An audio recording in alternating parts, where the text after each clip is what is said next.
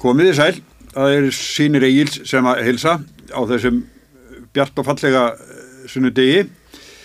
En það er ímislegt framöndan við ætlum að byrja á vettvangi dagsins og til að vera með okkur þar eru komin Þóra Kristín Áskilsdóttir Björn Þorlásson og Erna Bjarnadóttir.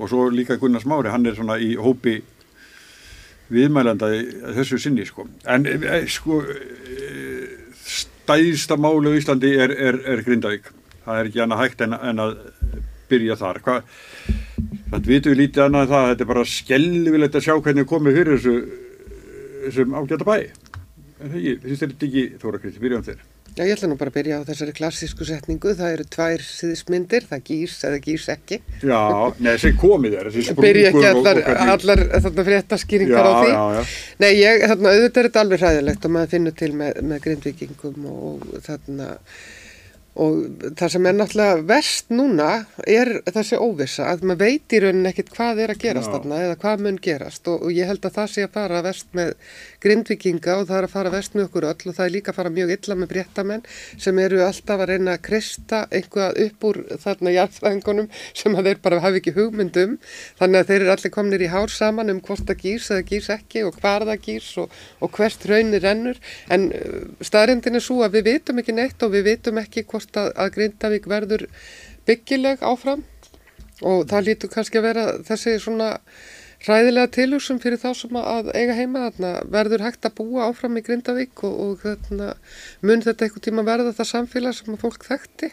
Mm og við vitum það alveg að jáfnvel þótt að fólk geti fluttan inn aftur eftir þrjá mánuði eins og kannski væri besta sviðsmyndin sem að það besta sem geti komið fyrir það væri að, að, að það væri hægt að, að byrja endurbygginguna kannski eftir þrjá mánuði þá verður alltaf einhverjir svona mikilvægir sem að heldast úr lestinni þannig að þetta verður ekki, ekki sama samfélagi, þetta verður, verður mjög erfitt. Mm -hmm. En núna er, er náttúrulega, horfið við fram á þessa miklu uppbyggingu eða þetta svona hjálparstarf að taka utanum þetta fólk no. og ég verður að segja það, mér finnst nú þarna samfélagið hafa komið eh, þægilega og óvast hvað það varðar.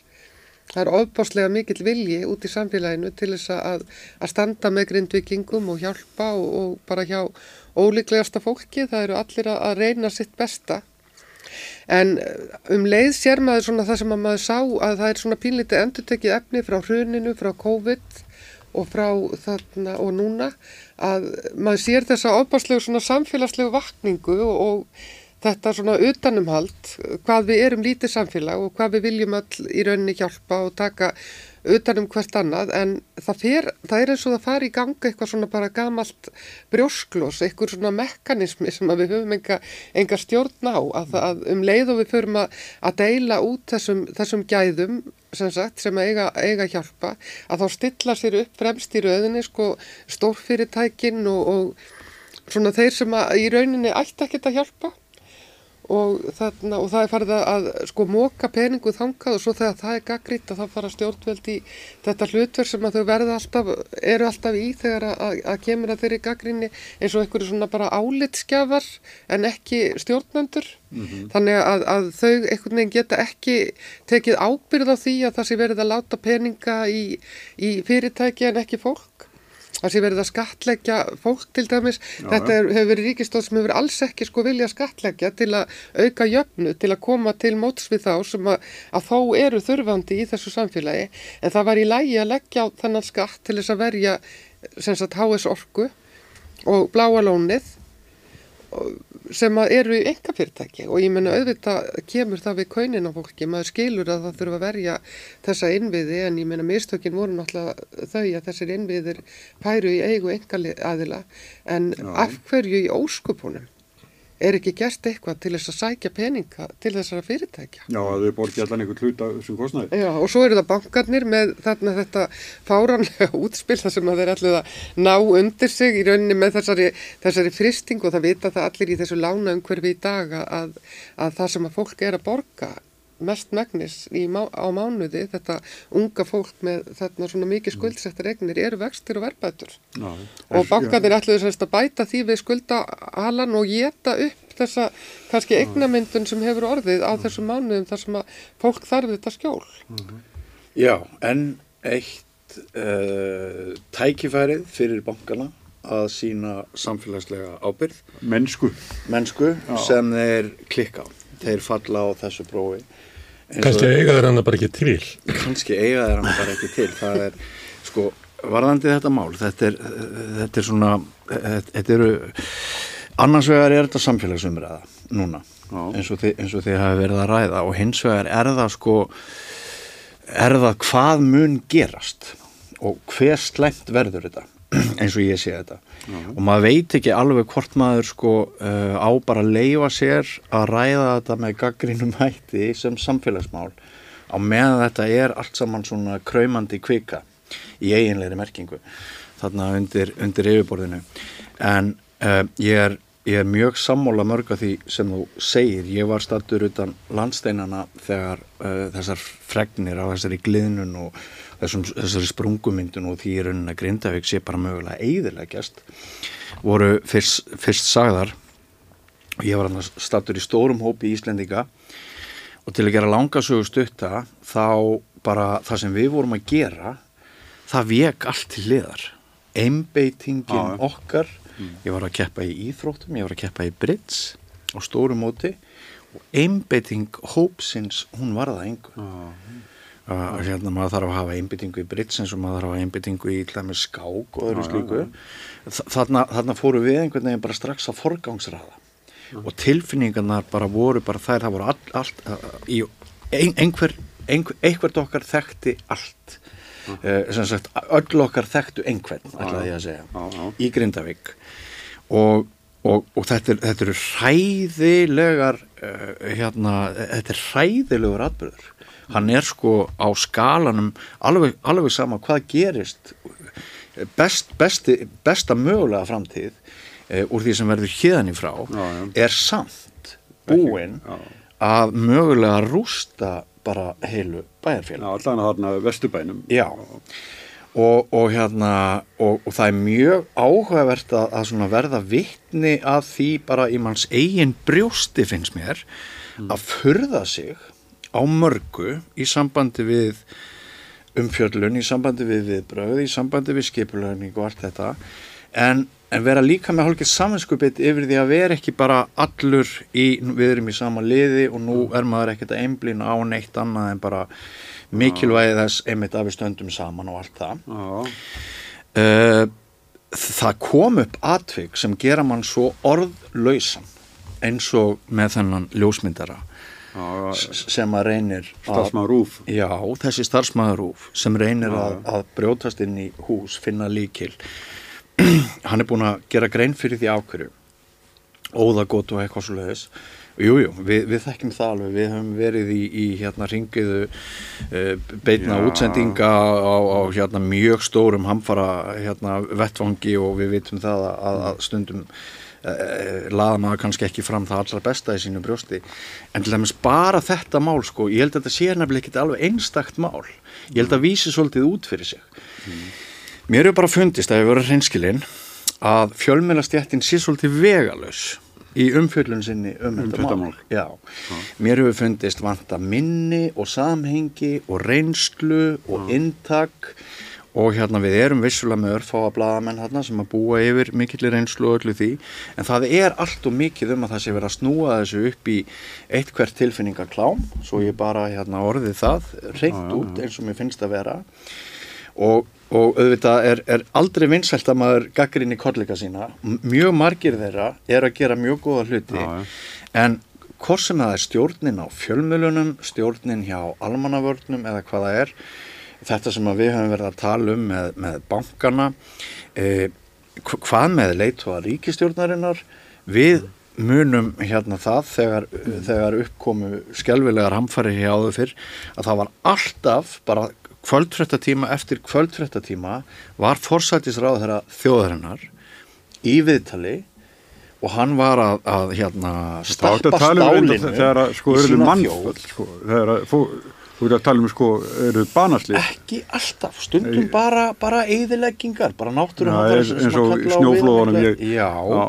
En, en, heyrðu, við, sko, en ég saknaði svolítið, Já. bara svona svo ég spá að stimpla mig aðeins, svona ég sakna mér í myndugleika, en hugur minn er samt fyrst og fremst bara hjá grindvikingum, ég hef mjög miklar áhyggjur af þeirra framtíð og ég get ekki ímynda mér hvað þeir eru að ganga í gegnum. Dóttir mín eh, sem er í Hagaskóla, hún er með krakka úr Grindavíkuskóla sem að komu þarna.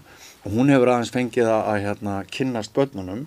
Og ég spurði hana hvernig líður þeim, þeim líður mjög illa Já, já, sagði hún, eðlilega. Þetta er vond mál. og, og hérna Þau eru náttúrulega döðrætt líka. já, já, þau eru dauðhrætt þetta er allt blóðhrátt, við veitum ekkert hvernig þetta fer en sannlega hafa vaknað margar spurningar. Já, heyrðu, en Erna Bjarnandóttir, sem þú ert varaþingmaður í Suðurkjörðami, þú og Birgir Þóraðinsson skipuðu fyrst annarsætti á lista miðflokksins í síðustu þingkostningum og Birgir náðu kjöri og þú ert varamannskjan hans en hann var bara valla búið að telja þegar hann var búin að skipta yfir í sjálfstæðisflokkinu. En þú er samt varaþingmaður Suðurkjörðamis.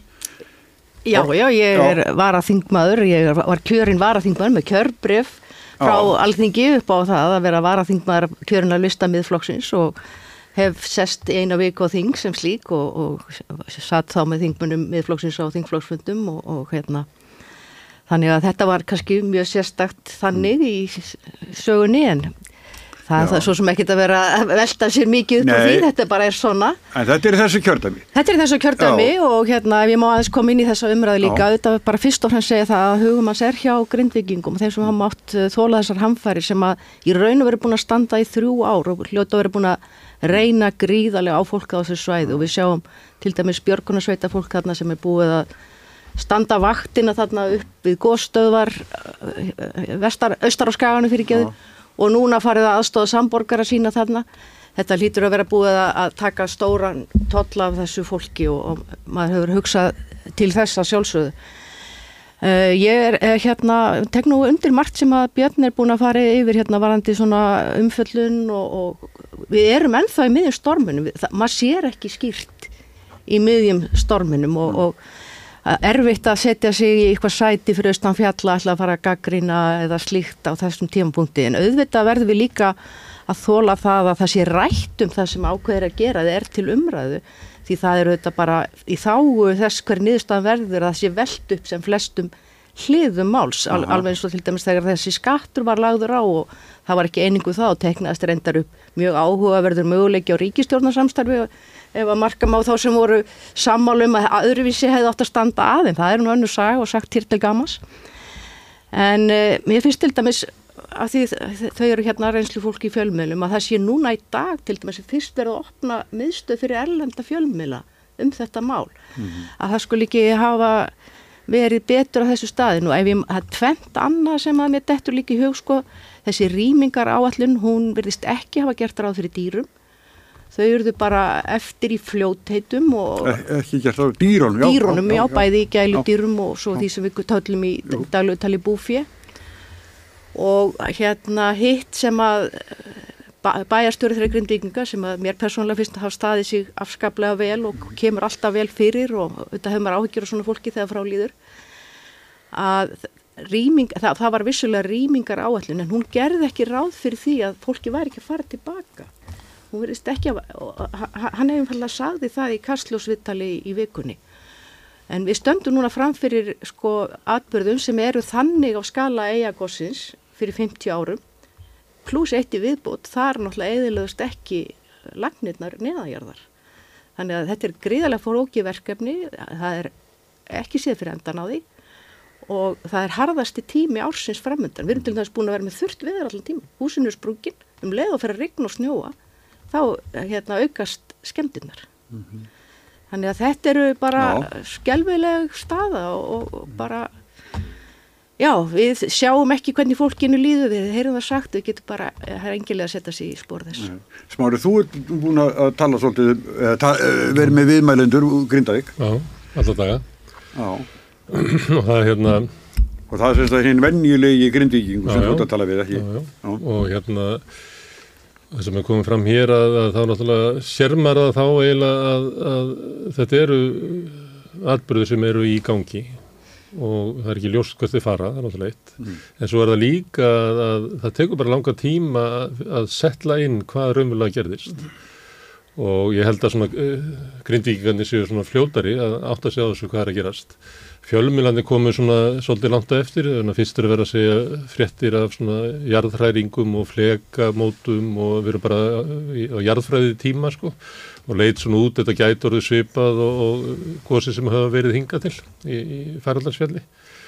Svo allt í enu kemur í ljós að það gætu verið innviðir í hættu og, og það er bara mjög stuttu fyrir síðustu helgi þar sem að vera fyrir að tala um varnagarðin þannig að, að þá breytist sviðsmyndin. Og svo er talað um að við þurfum ekki að hafa áhyggjur af því að ef það gís, þá gís eitthvað fyrir ofan Grindavík. Svo opnast bara þessi hérna kvíkugangur undir fótunum á grindvíkingum. Ah. líklega eftir því sem ég er að tala við fólk að þá bara breytist breytast skjáltanir og verða bara stöðugir og fólk upplifir þessu undir fótum sér og svona en, en þú veist, við getum alveg haft það í huga að, að fólk heyrir frásögnuna hvað gekk á eftir á. En, en eins og ég uh, skilir þetta þá er það svona um fjólitið að þá er kvikugangur sem er ennur undir Grindavík. Það líst yfir hættust í eitthvað tíman um áttaletið um kvöldið. Það er rýmingum elluleitið mér finnst þetta merkilegt sko, en ég tek alveg eftir því að það er svo, við ráðum ekki alveg við að ræða þetta því að, að fólk heldur að fylgist í þessu svona verið að benda okkur í sög á, það sem áttu almannavarnir eða eitthvað. Mm -hmm. En málið er það að, að það reiknaði engi með þessu að þetta myndi gerast nei, nei. og þegar kannist við að þau lýsa að þetta gerir svo ógnar hratt og menna verið hér að velta fyrir sig hjálpræðingar að þetta hefði opnast bara úr okkur öðru kvíkuhólfi sem mann bara vissi ekki af eitthvað slíkt sem hefði gerst hérna, minnst þetta svona dæmi um, skrí, minnst það skrítið sem gafin fjölmjöla meður, að þetta sé ekki vera rætt þannig að við svona áttum okkur á því hvað er, eh, hvað er að gerast. Því að það, ég held að sé bara guðslukka að það bara gauðs ekki þarna á förstaskvöldið mm -hmm. en það, þú veist, lýsa hjálpnækja því, þetta voru bara örf, örf, örf hérna, örfáur metrar en það er ykkur hundraðu metrar. Já. en og öll skorpan sprungin og annað slikt Og, og, og þetta hvað það er svona sent að koma að menn eru að svona átta sig á því hvaða atbyrði þarna voru, hverja eðileggingin var kemur mjög sent, ég tek undir þarna með sko stjórnvöldlega mátt stíga sterkar inn, svona stóra viðtali við Katrínu er á 50. skvöldi Já, í Katrínu 60 eftir, þar sem hún kemur og svona segir hvað staðan er auðvitað er fólk svona óvist hvað á það að segja sko, hver er starð atbyrðarinn sko, við hvað erum við að fást sko, getum við lofaði að við ætlum að bara sjá um grindingingana en við fyrir þá hausin og, og það, það er að sama þegar hérna, frumvarpi kemur um varnagarðana að þá kemur einhver nýr fjármáráðar og heimtur að segja tekjur á móti sem að veist virkaði bara sem dónaskapur við grindingingana sko, okkur þarf að vera þetta eru þrýr miljardar, okkur þarf að vera sérstök skattlækning á því, ég menna, var ekki keift hérna 6 miljónar krónar hús fyrir auðaríkisróðundum daginn og ekki var skattur á það, það var ekki, er ekki þingið að byggja 20 miljardar hús, ekki skattu fyrir það, Nákvæmlega. það er alls konar hlutir gerðir en er eins og þegar við erum í vanda þá þarf að vera, og það er svona, þetta er viðkvæmt og menn bregðast við og hann já, Mér finnst þetta, ég veit ekki hvort að við sem ennþá búin átt okkur á þessu hvað þetta raunverulega er. Uh, sumi sem maður tala við, já ég fer bara strax til Grindavíkur og það er hægt, aðrið segja ég allaveg ekki vetur, ég bara fer ekki með börnum mín í, í eitt skóla og svo í annan skóla og það bara, ég verða að vera eitthvað sem ég sé út veturinn. Stjórnvöld koma með og lofa stuðningi út februar, þannig að það er eitthvað svona Það er náttúrulega fullkomin óviss í gangi. Það er óvissa og er sama eins og það er viðbröðin eru svo merkjum þetta vegna þess að, að þið munið hérna til dæmis sem ég var að segja eins og þú ætti að segja að, að það er rýming og planið, leið og grindíkingar eru búin að keira fram með bláalóninu þá er ekkert plan. Nei. Það er bara, þú veist eins og í Íslindíkar það var aldrei rekna með því að taka við sko fjöldaflóta. Aldrei. Ég, hérna, sko, mér dættur í hugvegna það sem þú segir, uh, Smári, og, og hérna líka það sem þið hafi sagt að, sko, ég held að í þessum máli kristallist pínulítið það sem að mæti kalla útvötnun umræðinar og fælni við merkingu og fælni við að ræða það sem þarf að ræða. Fælni við að takast á um mál og svo framvegis. Að ég fann það bara í, í aðdraganda þessa stóru viðbyrðar þegar, mm. þegar hinn eldgóðsinn voru á Reykjaneskaga og ég var að fjalla um þau sem blaðamaður að það voru bara margir viðmælendur mjög hrættir við að segja eitthvað sem gæti stopnað eða sem, sem gæti þýtt það að bara markaðslega myndi einhver byggð hérna síga niður um, um, um, um nokkur prósent. Það er búið að markaðsvæða allt líka umræðina í staðis að við séum hægt að, að, að takast á um staðreindir og gögn og ræða hlutina opinskátt, allar sviðsmyndir sem maður noti nú það leðilega orð þá, þá, er, þá eru allir farnir að velta fyrir sér afleiðingum orða sinna.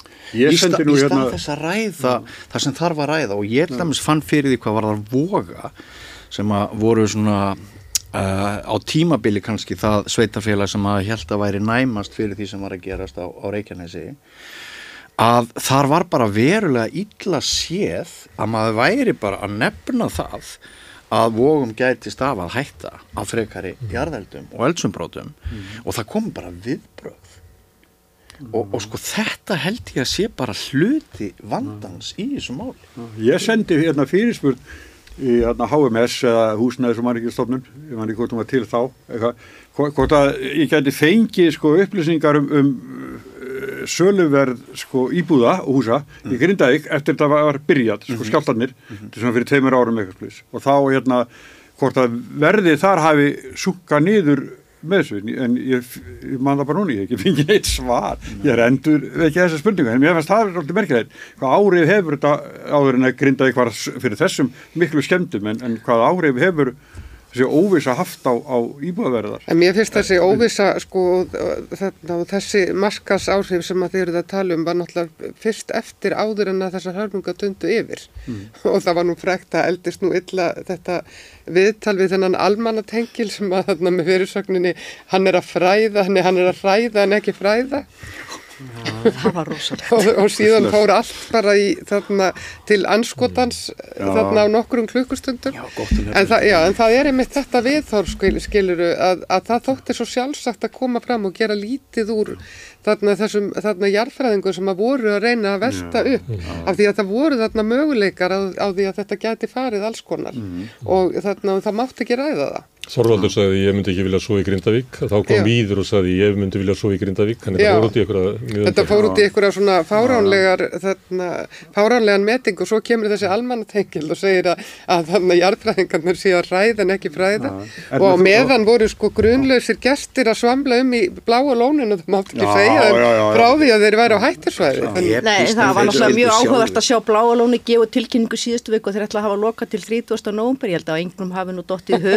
að sjá Bláalóni gefa tilkynningu síðustu viku og þeir ætla að hafa loka til 30. nóvumber, ég held að einhverjum hafi nú dottið í huga að þeir myndi að opna en Epísta gestirnir í bláalónunum skildu sjálfur vera að forða sér þarna meðanótt sko. Já, og hvaða já, áhrif hefur það nú á orðspór bláa lónsins þegar- ef að það fer nú á stað aftur sem við skulum vona gerist að, að, þarna, að þeir hafi komið svona fram við sína viðskiptavinni. Nei, það sem að, hérna, ég ætla að henda hérna inn í þetta er að það er ágætt viðtal við Þorvaldi í morgunblæðinu núna um helgina og það sem hann einmitt bendir á að menn hafi fest sig í einni sviðsmynd og það er kannski það sem við erum að ávarpa hérna að menn hafi ekki leift sér að horfa yfir svið og það er kannski hluta til þessi afle, afleðing af þessu að það má ekki segja hlutina mm. og ég veldi nú fyrir mér það er kannski óvilselt að nefna það en það er svona ósýn, óskrifa reglur, þær tóku nú svona vakstarkipp í COVID-faraldunum ef ég mann rétt. Mm. Já, það er svo að vera að tala sig niður á einhverja saminlega sín Já. og þá verður til eitthvað svona meðaltals. Þorvaldur er bara öðruvísi gæi. Ef þú myndir spyrja hann svona hvernig hérna ekki að þú myndir lýsa manninum þá myndir hann segja að maðurinn er svona frá því að geta verið fullvaksin svona 70 cm upp í næstu 3 Já. metrar, myndir hann segja. Hitt er svona rössín, sko. Já, ef þú myndir spyrja sko Magnús Tuma þá myndir segja að maðurinn er meðaltali 1,70 þetta er bara við- mismunandi svona nálgun á hluti. Og þetta mega báðar vera þar það sem að gæti gerst væri þetta sem er allra besta og þetta geti hugsalega gerst. Eða þá að segja minnst líklegast að þetta gerist. Það er bara En mér hefur nú reynst vel bara í lífinu að, að gera ráð fyrir því að, að, að þarna hinnu versta en vonaða besta sko. og það mér fannst Þorvaldur verið að gera það, hann var að lýsa fyrir okkur því sem að gæti gerst en hann var ekki að segja að það gerðist endilega. Mér finnst þetta fólk allt bara standa sér mjög vel sko. Já. Þó að það er svona tólkít á mismunandi vegu en, en, Já, en en, ég verð nú úr- líka að segja, mér finnst sko, fjöl, mér finnst náttúrulega Fannar er náttúrulega eins og einhver svona ofurhetja bæjarstjórn í Grindavík. Og hann heldur alveg ótrúlega vel utan um sitt fólk, flottur kall og ég meina það er náttúrulega rosalega auðlegð fyrir Grindavík að eiga svona mann á, á þessum tíma, það hefði geta verið einhver, en síðan bara finnst mér fólk vera að, að reyna að standa sig mjög vel, ég meina sjáu þetta björgunarsveita fólk stendur þarna vaktina nótt og nýtan dag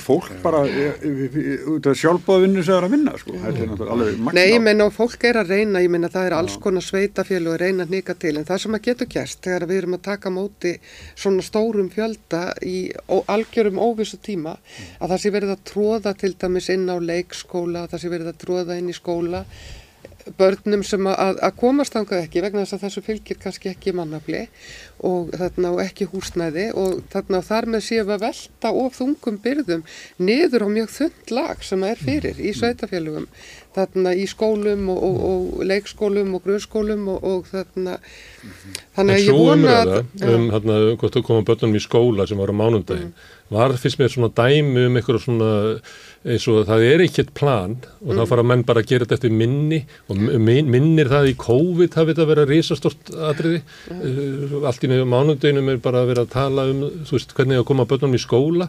Grindíkunum fannst þetta sko vittlusasta hugmynd sem við nokkuð til Já, heilt sko. Mér fannst þetta ég meina- ákvæmlega krampakjandi að þessi börn voru í fyrsta lagi sko í sumarhúsum um allt já. og í áfalli og þurftu bara fóröldur sem Já, hafa- já, En- en það- allir vilja bara vera saman, maður vil halda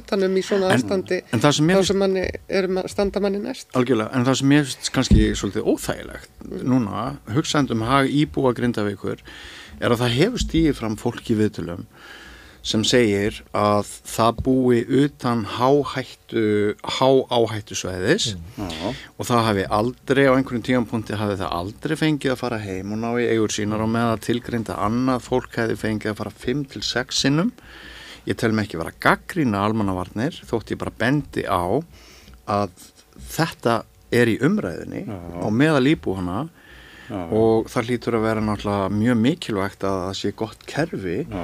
um er mistök.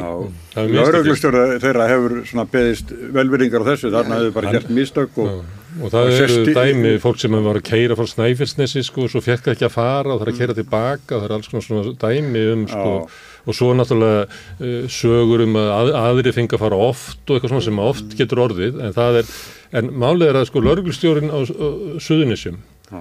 ég, hva, hvað ætla það sé stór skrifstofa? Það séu sjö lögur eða? Ég- Bæjaskrifstofan, hvað ætla það sé? Eh, Þeir eru reyndar flúði, þeir eru þurft að flýja lauruglustöðinu út af miklu og eru koni í eitthvað, eitthvað Ég myndi nú segja að almanvarnir ættu að vera þarna bakhelt sko. Bæjarskrifstofan er kannski klárlega. 6-7-8 manns eitthvað lis verkefnisfélag eru tveir þú veist, þetta fólk er að reyna að, þetta, þú veist, rétt ræðu við Grindavík á góðum degi. En núna eru þau með sko hérna, næstu 4000 manns á tætt 1200 heimili uppleist allir í óvissu.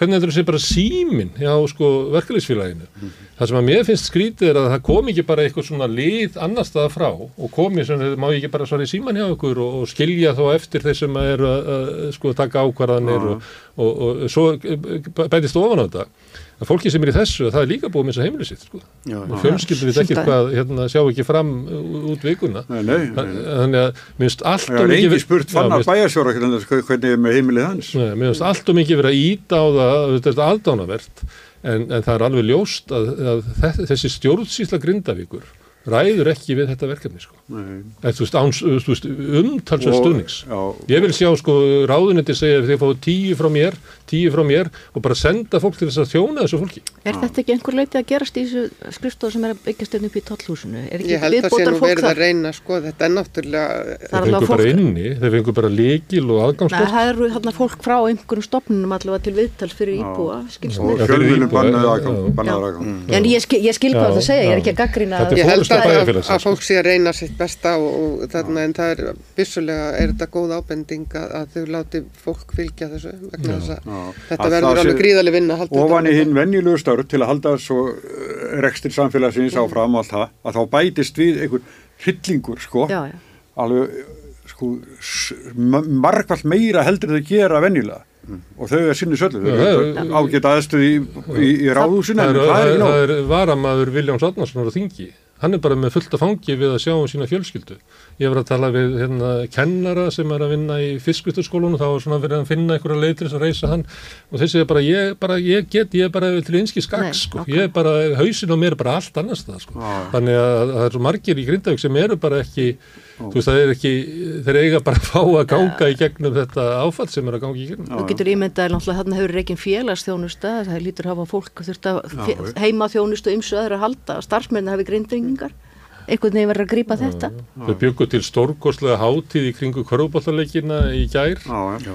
En það voru bara mest þrýr fjóri sem að voru að gera þetta sko, fólk sem var með sína fjölskyldu bara í já, sömurhúsum. og blíkandi tók þetta yfir þeir nú það má hérna rósa breyðabliki sko. þeir tók, buðum húsið sitt til að keppi og svo komu þeir bara með hérna stór skilti Grindavík og annað sko, þannig að þetta var að breyta sig eiginlega heima á þeirra og þeir eru Það þarna, þakkláttir það var- blíkunum Það var fyrir margt annað hann í þetta sko. kring, sko, það voru matur og það var Já. margt annað mikil svona hátíð þannig í kringum þetta.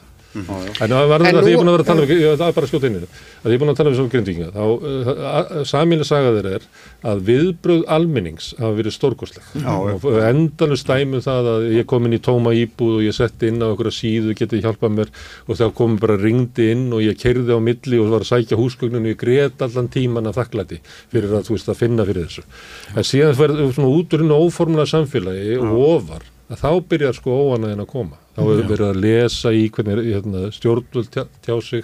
Það er þessi skömmtun inn á svæði sem að er augljóslega ekki góð. Nei, það er misust eitthvað Það er minnstast eitthvað. Já, því miður Tímur. en það hafa þið sagt það bara því miður sko. en við búum samt á þessu landi krakkar og það er Já. sko það er bara ímislegt sem að, að sko náttúröflin geta reynst okkur mjög erfið hérna það er, Einmitt. það er ekki hægt að tala með veðri í haust hefur náttúrulega verið alveg dásanlegt sko en, en eiga síður sko þá er það við hefum verið að missa fólk í óveðri og, og, og svo náttúrulega jarðskjaldar og gós og þetta er óblíð náttúrastundum En við búum í, í þarna, við óblíð náttúröflin, við búum líka í litlu landi þar sem að fólki þykir vænt hverju manna Já, og, og, hverju manna og það, það hjálpa stað Já, já. og það verður að virkja þennan kraft og gera því kleift að, að, að hjálpa stað. Við megum ekki þarna vera heldur með ofmikla kerfishugsun eins og að hugsa sko öll börn þurfa að byrja bara byrja að reikna bara strax já. eftir rýmingu og, og þarna við verðum svona að leifa þess að gerast. Þetta er alveg gríðarlega óvisa, hún er ofsalega erfið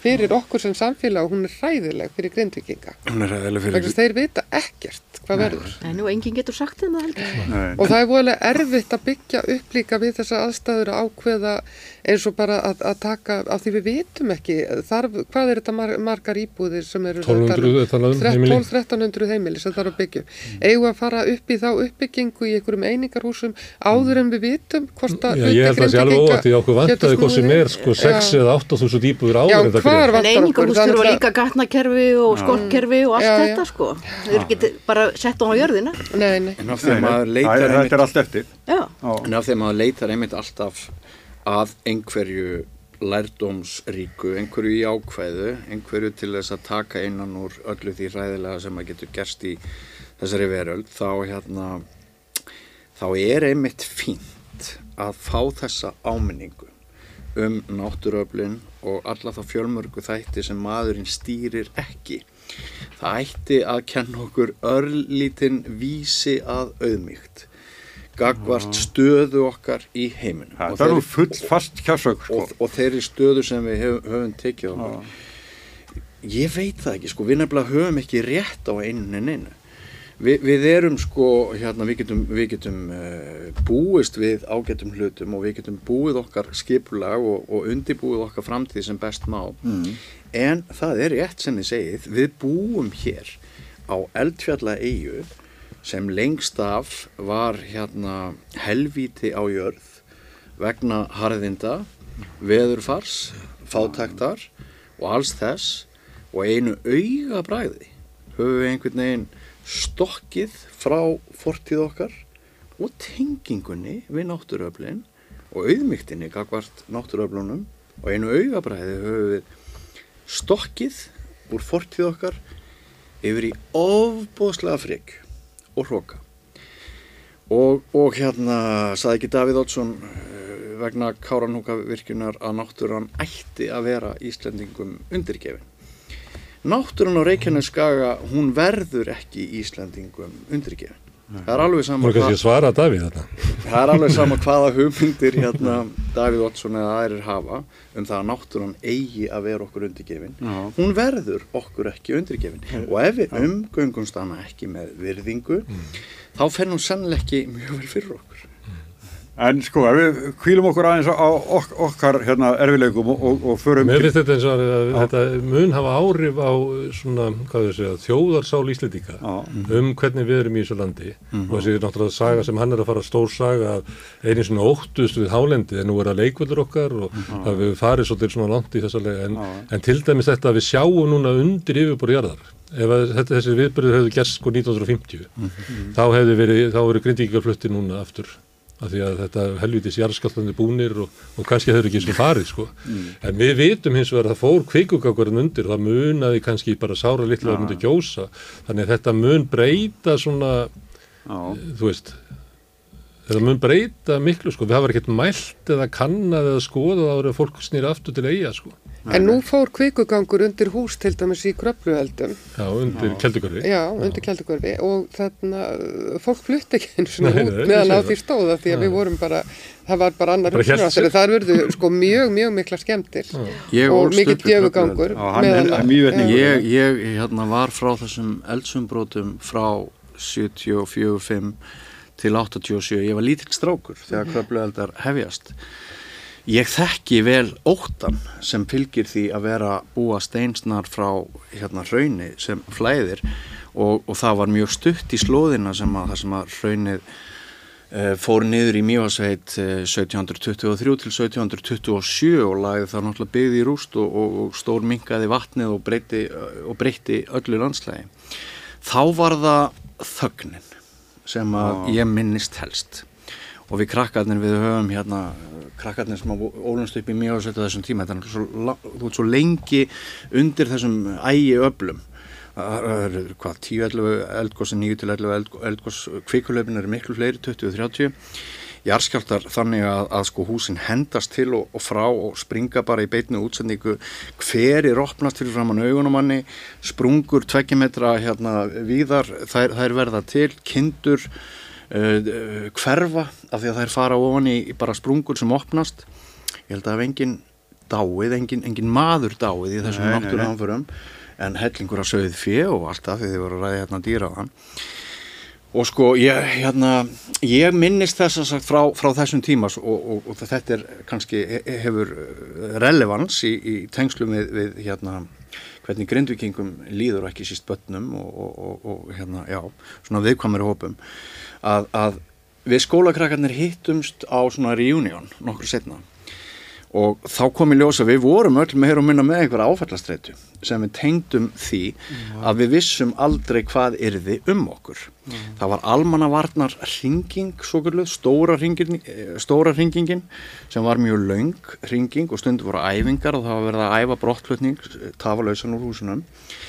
En við sáum forsýður moggans, tímans, þjóðviljans sem basically sögðu að hætta á sprengigósi bara þarna rétt við Reykjavíðaþorp væri mjög mikil. En á sama tíma rættu íbúarnir sjálfur ekki þessa ógn af því þeir heldu að það væri börnunum fyrir bestu að ræða það ekki neitt. Og það fóstraði svona ákveðin kvíða. Núna hefur mér orðið hugsað til barnana í Grindavík hvort það er hvort okkur vantar meðal, meðalhófið. Að, sko Já, já, já. að hvort hérna hvort það sé orðin of skilur þau, mikið upplýsingaflæði. Ég held nú ekki, ég held að upplýsingar séu alltaf af hennu góða en það þurfa að þá, það þurfa að vera ábyggilegar og við þurfum að geta treyst þeim sem sinna því ábyrðamikla starfi meðal annars að fjalla um náttúruhanfærir og ég ætla bara að segja það aftur, það er ekki tægt að fólk bregðist í því hlutverki eins og vorum að nefna á það er bara ekki tægt við höfum öll mjög mikla ábyrði þessum efnum Við erum alltaf reynd að svöra fólki sem er ekki hægt að svara. sko. Já. En hérna ég ætlaði að því að eh, sko tíminni dýrmætur að þá ætlaði að, að hérna tala um annað mál sem er alveg skelvilegt og það er gasa og bara þetta, bara núna, hvað var þetta ekki eitthvað eh, skóla við um saminu þjóðana og það er bara bomberað á þetta. Og þetta er alveg svakalegt sem að, að við neyðumst til að vita af hvað er verið að gera venjulegu fólki. Og svo að því þú nefndir Davíð á henni ég ætlaði að tengja þetta, þið tóku bara mér orðið sko, að því að, hann er þe- þeirra skoðunar að við sem hefum áhengjað þessu þá séum við gýðinghatarar sem er náttúrulega alveg gaggala gú. En, en þetta er eitthvað krakkar sem er erfitt að vita af svona í bakarinn Svara Kristín finnst þér ekki? Jú, ég meina, mér finnst náttúrulega eins og öllum, ég finnst þetta þjóðarmorð á, á gasa bara al algjörlega ræðilegt. Já, Og mér finnst líka, svo við komum aftur að Grindavík, að þarna, það sé einhvern veginn þegar að svona hlutir gerast og það tekur allt annað yfir. já, já, Þannig að við vorum að fylgjast með sko frá degi til dag svona ofbáslega hróðalegum atbyrðum sem satt út í heimi já, á gasa sem eru samt svo sko nær okkur. En þarna, og svo gerist þetta og þá er allt í hennu bara í rauninni engar réttir. Og það er bara eins og ekkert sé að gerast á gasa, það bara þagnar í rauninni þessi sko, þessi umræða. Og það litla sem verður, það verður svo fáránlega sko heimótalegt og hjákállegt eins og þegar að Gellingin hún Hillary Clinton fyrir að koma hingað á sko bókmyndaháttíð og maður hugsa bara, þú veist, why? Akkur er hún fengin á bókmyndaháttíð? Hún er náttúrulega bara fengin til þess að auglýsa upp háttíðina sem manneskja sem stendur fyrir eitthvað allt annað. Og óvart núna í þessu miðjum, Já, þessum rillingi, að þá stendur hún fyrir sko þjóðarmorð á Gaza sem fulltrúi bandarískar já. utaríkistefnu og talar um það og réttlætir það. Lastu pistil Ingibjörgar Sólun Já, ég var nú reyndar búin að segja sjálf, sjálf eitthvað svipað þarna að, þarna að hún er fengið þarna þessi valdafígura og, og þess vegna skil ég vel að fólk sniðgangi þessa hátíð og þarna hún er ekki fengin hingað vegna síns framlags til bókmentana þannig að þetta sjónamið sem að, að Guðmundur Andri og fleiri voru búin að vera viðra að við ættum ekki að þarna slaufa fólki til dæmis á bókmentaháttíðum vegna þess að skipti máli að sko leiða fram mismunandi sjónamið og ég geti sjálfur sér sko alveg tekið Já. undir það, ég hefði tekið undir það til dæmis á, á þarna bókmentaháttíðinni þarna út í Þískalandi þar sem að palestískum höfundi var snúið við. Vegna þess að en Það þarna er mikill munur á því, hann er nú Það bara er mikill munur á maður. Því, hann er, hann er en hún höfundur. hefur sitið í svona herbergjum að horfa á skjáum þessum, skjái þar sem er verið að drepa fólk. Það sem ég er að segja og þarna hún er að, er að koma hérna sem manneskja og hún er óvast núna bara óvast, hún er að réttlæta þjóðarmorð, hún er að tala gegn vopnarlíði og þarna þegar að fólk er í raunni þarna að, að ræða það eins og það sé eitthvað mikilvægt að sko leiða hennar sjónarmið fram að þarna það sé verið að kæfa líðræðislega umræðu með því að sniðganga það, það er náttúrulega alveg, alveg ótrúlega sko hjákallegt. Og svo þarna tekur þetta á sig það skrýtnir svona þarna íslensku mynd að, að menningar rittstjóri heimildarinnar segir af sér þar sem að út af þarna Hva, hvað var þetta, frægðar, að hún hefði einhvern veginn ekki áttað sig á frægðarvæðingunni þegar hún talaði gegn uh, sniðgöngu á, þú veist, það er, við erum náttúrulega, við erum algjörir sveita luppar. já, við erum það já, við erum það. Og það er, en, en aftur með þetta, með þetta á, á, á gasa, þetta er alveg, sko ef maður, fer bara sko og googla bara myndir frá gasa og hvað er sko, fréttastónar er, hvað, sín okkur mikið, hvað þetta er svakalegt mál að að horfa á þetta. Er það, þetta Já, er ég tek undir það, maður fylgist ekki bara með íslensku fjölmiðlum heldur, allavega ég last, fylgist með ellendu fjölmiðlum líka, Já. Reuters og, og fleiri þegar þessi atbyrði fór á stað og, og kikið þangað en eh, auðvitað taka, taka þessir atbyrði hér á landi yfir í fréttin þetta er nú venjulega önnur frétt í stærstu fjölmiðlum á, á kvöldin sem maður fylgist með. Já.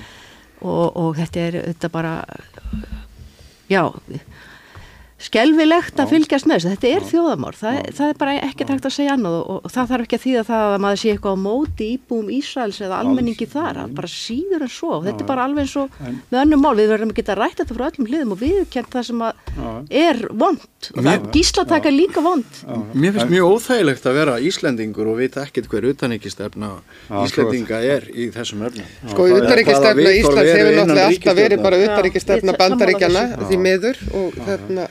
Og við setjum uppi með það heimilisböl og utanríkistefna bandaríkjana er náttúrulega hræðileg í þessu máli sem svo En nú höfum við sko saminuð þjóðunar, mm. saminuð þjóðunar, við höfum þær og þær get ekki stoppa þetta. Þetta batteri mikla sem við erum með þjóður heims, að, að það er bara, Við erum hérna að tala um það sko, Bandaríkjamenn geta ekki sammála um hvað er að gerast á Reykjanesi. Það eru alls konar sviðsmyndir um hvað sé lausnin fyrir Já. þarna á þessu svæði. Bandaríkjamenn tala ennþá fyrir tveggja ríkja lausn, ef ég tekir Já, rétt í eftir. orði sko, en Í ekki verki þeir styðja ríkistjórn Ísraels til þess að brjóta þá hugmynd niður E, Já, en þú veist, það er engin samstaða eða Nei. Nei, já, engin sín á hvað geti leitt þetta Ég mál. held að við bara horfaðist í augu við það að þessi tveggjaríkja lausn er bara döið. Já, hún er döð. Já. Þannig að við erum að segja þetta að, En að hvað á þá að koma í staðin? Já, það það er það sem engin- að þessi næra að horfa á það að hún er þessi döið, þá getur við bara byrjað á núlpunkti. Kanski er þetta...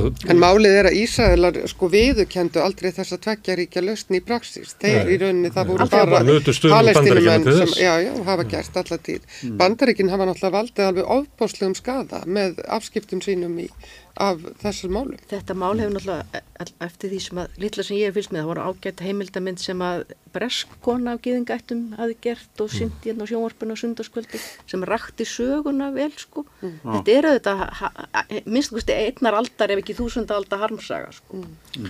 Já, við erum að tala um eitrað sambland ránirkju kapitalisma og uh, rasisma og það er ekki von á góðu. Nei. Það er, það er rasismi þegar börn eru látin gjalda fyrir hriðjverk vegna þess að þau eru sömu trúar, sömu þjóðar með sama litraft og þeir sem fröndur hriðjverk. Já, og Það er bara rasismi. Og allur stuðningur við þessar refsi aðgerðir eða hemd eða hvað kallir þetta er náttúrulega bara stuðningur við rasismi. Sko. Já, Mm. Og við eigum að bara klippa okkur frá því. Og ef að bandarækjum vilja halda þessar utengjastöfnu, ég bara næði ekki akkur Íslendingar að beigja undir það. Og alminningur beigja sig ekki undir það. Þeir sáu þennan konunina að 70% pluss íslensk alminnings er á allt annari blaðsíðu heldur en sko utanríkisráð þeirra sjóðarflóksins. Bara allt annari já, blaðsíðu. já, já. En það sem ég var að segja hérna í upphafi, það var að það eru svo mörg mál sem að falla undir ratarinn í svona ástandi sem að við erum í. Og það er náttúrulega þarna ástandi á Gaza og svo eru líka bara svona ímis pólitíska álitamál og, og þetta verður svona að, að ráðamenn geta svolítið svona halla sér aftur bara í svona landsföður og landsmóðulegum stellingum og, og ríkistjóknin var nú við það að liðast í sundur þegar að, að, að þessir atbyrði verða en núna fá þau eitthvað svona aukið hlutverk í að, að halda utanum okkur öll á erfiðum tímum en, en Ég þarna, er ekki vissum að þau eru samt sem áður er alveg? Ég er ekki vissum að þau fáið það hlutverk. Já, Ég vissum að mörg þeirra vilja það. Nei, nú er komið COVID aftur og nú verður við aftur vinsar. Ég held að það gerist ekki. Nei, Ég er svo samanlega smára með þetta, ég held að. Ég held að það sé bara... Sammála því. Ef þú er búin að missa tröstu einu sinni þá færðu það ekki í posti aftur. Nei, nei, en það verður svolítið erfitt samt, sko, það, það verður, að það er ákveðið óvissu tímabil framundan þar sem að, að, að sú í rauninni, að þessi gaggrinni mun svolítið fara undir radarinn. Já, það er, sko, þau byrja á því að, að, að láta sagt, okkur, fólki í landinu, borga þess að varnakarða, en ekki fyrirtækin, ekki settu bankaskattur, ekki ykkur aukaskattur á útgerðin eitthvað sem við sjáum að vaða í miljóðum út um allt, sko, heldur eigum við fólki í landinu uh, að borga þetta, en það, þeir neyta hinn, þeir neyta sko bankaskattinum, þeir neyta hækka auðlindagjöldin, þannig að þá fá þeir náttúrulega svona fólki svolítið upp á móti sér og Þessi skattu var algjörlega ótíma bær því að fjárlegin er ónýtt hvað sem er. Er já. þetta mál ekki rætt bara í heilsinni, hvaða, til hvað efnaðslega atgerða þarf að grípa. Já. Og þetta er bara nákvæmlega eins og í COVID-faraldrinu að almenningur fekk ekkert, fengu öryrkjar eitthvað, fekk einhver sko bæði belti og axlabönd öðruvísi heldur en fyrirtækinu í Íslandi. Hvort sem við erum að tala um bílalegunar eða hvað það er. Aha. Alltaf er til peningur. Þetta er eitthvað sem þarf að rannsaka. stöndugust það- fyrirtækin já. á Íslandi og fyrir þá sem að mest hafa. Alltaf er hægt að hjálpa þeim og alltaf beinist hérna Og þau stilla sér líka upp alveg fremst í rauðinni. Nú erum við að fara að borga sko launin fyrir bláa að meðan að við reysum hennan er eftir, það er eftir Aftur. kunna leikin. Ha, Aftur. aftur já, Þau kunna þau fengu leikinn. miljard í COVID. Þau kunna leikin en stjórnmöld verða líka að kunna leikin að distansera sig frá fjármálavaldinu með almannaheill að leiðaljósi, hag allra Íslendinga að leiðaljósi og ekki síst þeirra sem minnst meiga sín, Já, já. hvað sem það er COVID eða hvað það er annað. Ætli En sé við sjáum þessa tilneyingu alltaf í hinn Já. og það virðist einu gilda hvaða flokkar eru í ríkistjórn. Það, ja, þetta er bara núna, gera, skjóta þessu svolítið í fótinn með þessu, með, að, að fólk er ósátt við það að vera að hækka sem fastanigjöldin út af þessu vegna þess að það eru aðrir au- augljósari hérna, mögulegar ekki nýttir. Mm eins og til dæmis bankaskattur eða ég, ég man nú ekki tölunar smári, hvað hva var er, hagnaður En getur ekki verið að- sex- 80 miljardar pluss eða mínus á ári. Sko nú finnst mér ekkert, sko þessi hækkaði fastegnaskattur í rauninni ekkert endilega að vera stóramál í þessu vegna þess Það að er ákveðið prinsipmál, en við þurfum alveg ofbáslega marga miljarda í þetta og þarna við þurfum þetta og mjög mikið annað Það er að fara vel Og það er með hægt, það. er að fara vel með það. Það er ekki hægt að láta það bara í hendutar á sko, hérna, fjármaks og En við nei. þurfum ekki að halda annað heldur líka en að símar þessara ráðherra séu rauðglóandi frá hagsmunaðilum. Þetta já, okkur eitthvað annað í hug. Nei, En við þurfum að, að, nei, klárlega að sko. setja alveg massífan þrýsting á stjórnvöld að það verði lagður einhvers konar kvalreikaskattur á bankana til þess að og, og þarna að, að þessi stórfyrirtæki slepp ekki svona vel. Mér finnst til dæmis þetta að vera mjög önd og máttljós að segja að þau með ekki greiða sér út arð á næsta ári. Já, einmitt. Eitt já. ár. En sko krakkar, Bara aðeins fram yfir sko. Þetta er- getur ekki lán fyrir því, sko. sko í COVID voru ríkisútgjöldin hér á landi aukinum hátt í 200 miljard. Já. Býtu, og hvað, er ekki takt að laga til eftir það? Og, og takast á við þetta einhverju leiti með því? Já, já, Er já. það virkilega þannig? Aha. Varðandi byðröðina, hérna, hverju fremstur í byðröðinni, að þá hafa núna í haust komið eh, tvær styrkveitingar. Það er annars úr orkusjóði, þá fegst hæðsta styrkin vinslustöðin í Vestmanniðum og næst hæðsta styrkin Samherji. Samherji. Síðan var verið að hérna, styrkja engarekna fjölmila. Þar fær morgublaði sem er í eigu þessar aðila og svona stórútgerðinar með hæðsta styrkin. Við verðum að geta sko verið með eitthvað svona samhjálparkerfi án þess að þessir gaurar séu alltaf fremstir í byrjunni. En þeir eru alltaf fremstir. Og svo skulum við aðeins beina sjónum að sem, þeim sem eru sko síðastir í byggðröðinni eins og núna til dæmis í þessu grindavíkumáli sko hverjir munu lenda utan sem sagt aftast í þessu styrkja dæmi öllu það er fólkið sem er hvortið er í vandræðin, það eru þeir sem að, að sem sagt, skulda meir en þeir eiga í þessum húsum, það eru þarna, það er fólkið sem að var í bara sko kannski einhverju félagslegu húsnæði, það eru innflytjendur sem er ekki með neitt bakland og, og þetta er fólkið sem að, að þarna er aftast núna og, og verður aftast áfram. En þetta er fólki sem að að almenningu væri til í að sko styrkja ef, að, ef að við letum bara hattin ganga. Að þá væri fólk til að styðja þetta fólk en ekki samherja og blálun það bara er ekki þannig. En þessi orkusjóði sem þú nefnir er náttúrulega algjör skandall að það sé verið að- að nota þarna, Já. þessa orkuskipta eh, þarna, eh, þessi orkuskipta mál til þess að hyggla þessum fyrirtækjum. Já, maður ma stendst nú ekki að, ég hveti ykkur til að skoða hverju er stjórn orkusjóðs. Ef ekki bara að kalla hlutina sínum réttu nöfnum, þetta er spilling. Já, já. Heyrðu, sko, við erum búið með tíma sem okkur ámarkar. Ég vil ekki hérna, ég las þingræðu Jakobs Frímans Magnússonar, það sem hann segir það að, að eiga fyrir að sveit, að landbúnaði sé bara að leggja staf þar, að það ekki leiku grundvöllur fyrir þessu og, og þannig er eitthvað blómlegasta landbúnað hér að landsins og hann segir bara eftir að fara og tala við bændurar að þeir ráði bara ekki lengur við að reka búið sín. Er það, þú varst hagfræðingur bændasamdagan í ára tíu? Ég var hagfræðingur hjá bændasamtökunum í 20 ár Já. og starfa fyrir bændur enn í dag hjá Já. mjölkursannsölunni og það er staðreind að bændur sem eru skuldsettir, í flestum tilfellum eru heimili og bú ein eining, þeir hafa auðvitað eins og heimilin bara tekist á gríðarlega hérna, aukna vaksta byrði á síðustu árum.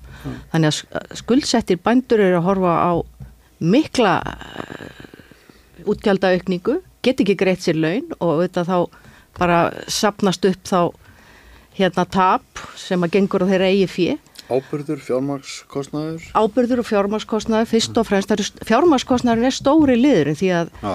þeir eru ekki, eru með mikið á lánum á breytilegum vöxtum sem þeir eru fjármagna, eitthvað auðvitað föstu vöxtum Uh, það vor, voru auðvitað kostnarhækkanir sérstaklega í fyrra eins og ábyrður, kjartfóður og, og bara öll aðföng hrávara, stál og játn og allt sem þar til byggingar hækkaði og þær hækkanir eru kannski núna fyrst að byrja að ganga tilbaka. Það gengur, ábyrðurinn til dæmis kostaði ennþá það sama í, fyrir, sem að borin á túnin í sumar eins og í fyrra.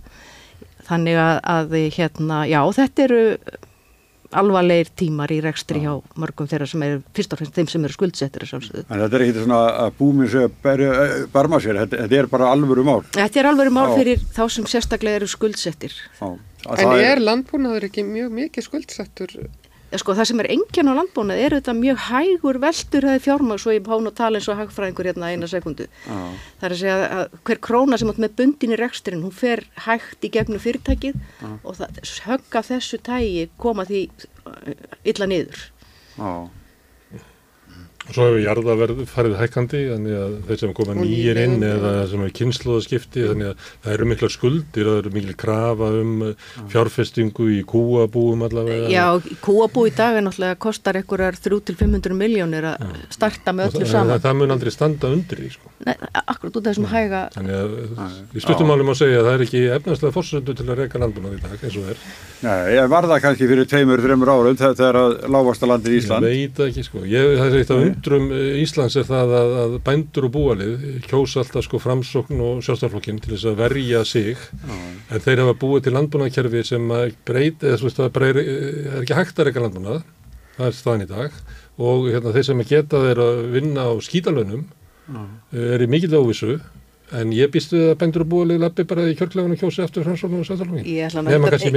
Ég- ég- Það er hversu margi miðflokkin síðustu kostningum, það held ég sé nú engi vafi, eða kannski, en ég auðvitað hef ég enga skoðan að kannum gert á bændum sérstaklega sem kjósendum, en hérna, ég held að matvælega framleiðsla og, og staða bænda, það, það, það duði ekki bara að tala um þetta í frösum eins og kannski verið svolítið ábreytist. Bor, borðar þú rátt takk upp í heiði eins og segjum þetta Davíð? Sko, ég, ég hef aldrei borðað upp á heiði, en ég hef borðað hrátt takk og ég borðað líka carpaccio.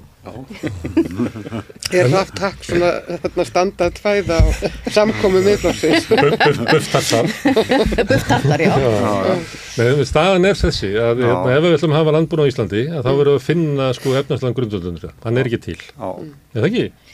Hann En er- þetta fyrirbæri breytilegir vextir er náttúrulega svo ömurlegt. Já sko við verðum að gera grein fyrir því að þeir vextir sem voru hérna fyrir, meðan þeir voru sem legstir í COVID, það er bara út úr kortun í sögu, sögulegu samhengi.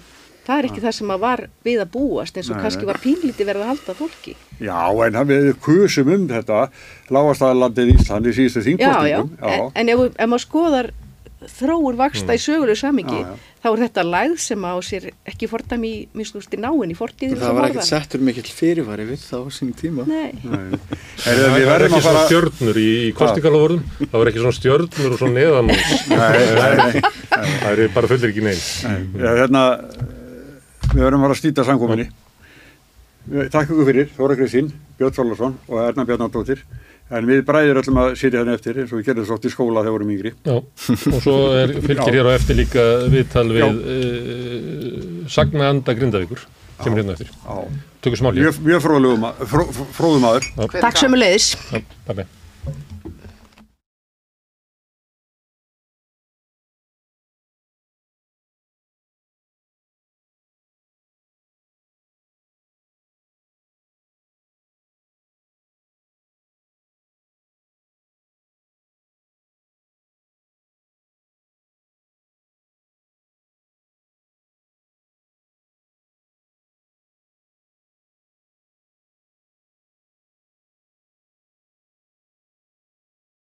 Hvernig getur við réttlætt að um 63% eblingarkvenna eigi erfitt með að ná endum saman? Ebling stjættarfélag. Baróta fyrir betra lífi.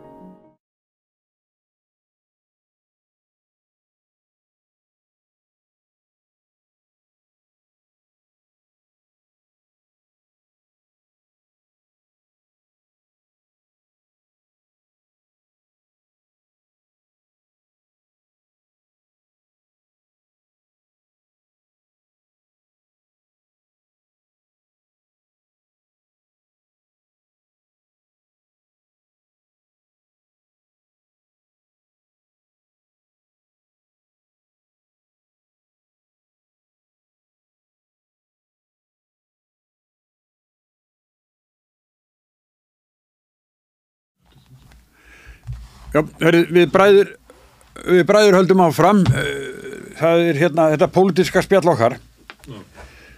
Og það er hérna, ég hef komin á það skoðun að Bjarni Bendisson hætti ekki sér fjármálaráður einhverju prinsip ástæðmund umbóðsmanni í Alþingis. Ég held að sé bara að flýja, flýja á ráðunitinu. Að það er að koma upp núna að sjóðir, eirnamerti sjóðir hafi verið notaðir í annað heldur en uh, þeim var ætlað og þetta er svona svolítið rík í þessu uh, uh, óreinindi og nú er að koni auðvitaðríkistaröðindi það reyndar byrjaði mjög illa þar. En þannig er að komin svona eh, finna sér skjól, ég held það. Og eh, Þór, Þórdís Kolbrún verður að, að vinna úr þessu uh, bara hérna þessu sjóðum að- Bergþór Ólason í hérna flokk, nei, hérna í miðflokknum, hann er búin að byggja um að þingið rannsæki þetta sko. Alla þessa sjóði sem að, alla þessa sparibögga sem að Bjarni er búin að brjóta upp Já. og nota í annað. Já, Þannig að það sem á að grípa til hamfarasjósins, hann er tómur, eða svona, það eru þrý miljardar, en hann er búin að fá að taka lán hér og þar og kannski allir þessi hallarekstur, hérna, Bjarni er Íslandsmethafi í hallarekstur og ríkisjóði. Já. Það er engi fjármáráður að reiki ríkisjóð með jaftmöglum halla og til að fjármagna þann halla hefur hann sótt líka peninga inn í það sem heitir, hvað heitir það, ILS sjóður, gamli íbólanasjóðurinn já, af því að þetta eru sjóðir þar sem að þú ræður eiginlega sjálfur hverju eru vextinir og tekur þetta inn á svona lágum vöxtum. Þannig að ríkisjóður var aldrei svona fjármagnaður. Kannski var þetta gert til þess að við tækjum ekki eftir því að það væri verið að, veist, að sækja fjármagn. Eh, ef að hefði þurft að sækja þetta í einhverju skuldabrefa útbóði þá geti vel verið að hefði versnað lánakjör sko ríkisjós eitthvað slíkt. Já, já, en einhverjum ástæðum þá fór hann bara og braut upp alla sparibögga sem að fann. hann fann. Já. og þegar Þórtíðskólpul kemur og þá er búið að það er allir tómir. Og tæm allt. Já, Bjarni bara flúði úr störblöngu fjármálaráðundi já, yfir í utaríkisráðundi en sko hann hættir ekki því að hann getur ekki sleppt ráðurinn sín lausum. Já, hann svona er, er með þau svona innan seilingar. En svo er hann aftur í svona bara kvildar hérna ráðuneyti, hann sækir fundi og ráðstefnur hér og þar og, og út, út um allan heim. Mm. Þetta er nú oft var í gamla dag allavega, ég veit ekki hvernig það er núna þegar það er svona öðruvísi samskipti. Það er, ö, hérna, þú ferð aldrei út frá Íslandi þó farir eitthvað sko til Brussel eða, já, já, eða, eða, eða kænugars eða eitthvað, þá ert alltaf á Íslandi. Já. Uh, í gamla daga var þetta þannig að sá sem að fór í utanriksjónandi hann svona fjaraði út úr íslenskri pólitík. Já nema Jón Baldvin. Nei, hann, hann dró til sín sko að það væri, hérna, það var auðaríkis viðskipti voru tekin hann inn og sambandið við EES-samningin og sem voru svo mikil svona innaríkis mál, hann var hérna, en það er veit ekki hvort það sé sambandið þannig, en ég er ósamanlega að hann hafi hætt út af þessu sko, ég held að hann hafi hætt ég held að hann hafi hætt vegna þess að hann sá fram á það að, að hann gæti, ef, að, ef hann væri áfram í fjármánandinu, þá gæti sjálfstaflokkur ekki selt Íslandsmoka og þess vegna fór hann bara yfir í annar ráðundi til þess að vera hægt að selja Íslandsboka ég held að það sé, Já. og þetta er eiginlega hægt að lesa þetta úr öllu sem hann segir, sko, sérstaklega svona setni fundunum um þetta þá er hann bara að segja að það er að skapa frið og allt þetta. En nú er endi fjármálaráður einmitt sagt þetta er eiginlega forgangsmála að klára að selja Íslandsbank Já, það er við erum með húsnæðiskreppu og við erum hérna með kjarasamlinga framundan sem er hérna lífskjara hérna krísa mikil, við erum í alls konar vandamann, nú fáum við líka Grindavík og alls konar svona. Nei, það sem er mest aðkallat á Íslandi er að losa almenning undan eignarhaldin á Íslandsbanka. á áhættureksturinn. Já, á þessu mikla áhætturekstri sem er að sliga almenning eftir því sem að hún lýsir sko. En almenningu kannast ekki við þetta. Kannski hefur báðið rétt fyrir okkur. Að, að þetta spilir saman jú, að þetta er bara, veist, þetta er sviðin jörð. Já, já, það er ekki gaman að vera þarna í fjármálaráðundinu, það er bara búið að eigða trúverðileiki mannsins er engin já. og, og veist, bara, ég held að Ég, svona, þetta, ég held að hann sé ekkit glaðu með þetta sko. Ég er svona að vera að sjá ræður, að vera að halda ræður núna hjá held í Varðbergi félagi áhuga fólks um vestranna samvinnu, já, svona gamli svona NATO-klúburinn jú, jú. og því að það er ekkit stemming yfir þessu hjá hann sko. Það er ekki eins og þetta sé maður sem hafa eitthvað svona lífandi áhuga á þessu eða nei, þetta er bara þannig að ég, og það var náttúrulega var fjármálaráður í tíu ár og bara eiginlega allir þræðir hérna stjórnvalda voru í honum. Alþingi samþitt eitthvað eða aðrir hérna ráðherrar en hann réð alltaf hvort það verið fjármagnað. Já, hann var búin að taka eh, hérna það sem áður var eh, það sem að voru kannski eitthvað stopnanir eða eitthvað fyrirtæki sem heyrðu undir viðkomandi fagráðara það var búið að endur skilgrinnið allt saman hann þetta var bara ríkið var bara hlutafjóraeigandi í þessum félögum og þar með fór þetta yfir í, í fjármánandi það var með alla bankana og eiginlega allar það var með hérna, sjóð hérna, eh, uppgjörið við hrunið eh, allar eignir sem að ríkið tók til sig Lindarkól þannig að, að ég held að hann upplifi það að það að vera auðverkisráður Ísland sem að fáir eh, það er ekki þannig. Þótt að Íslandi ekki sé ofta að segja að það sé hlusta á okkur svona. Ég heyrði hérna hluta, já, ég heyrði hluta ræðu Sigur Inga Jóhanssonar á einhver Já, hann er það að vera áfram.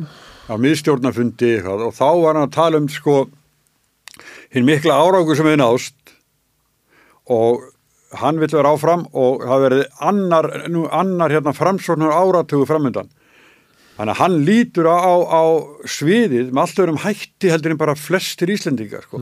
hann er að mikla sig af Hverju? þáttöku í, í ríkistjórni þennan tíma.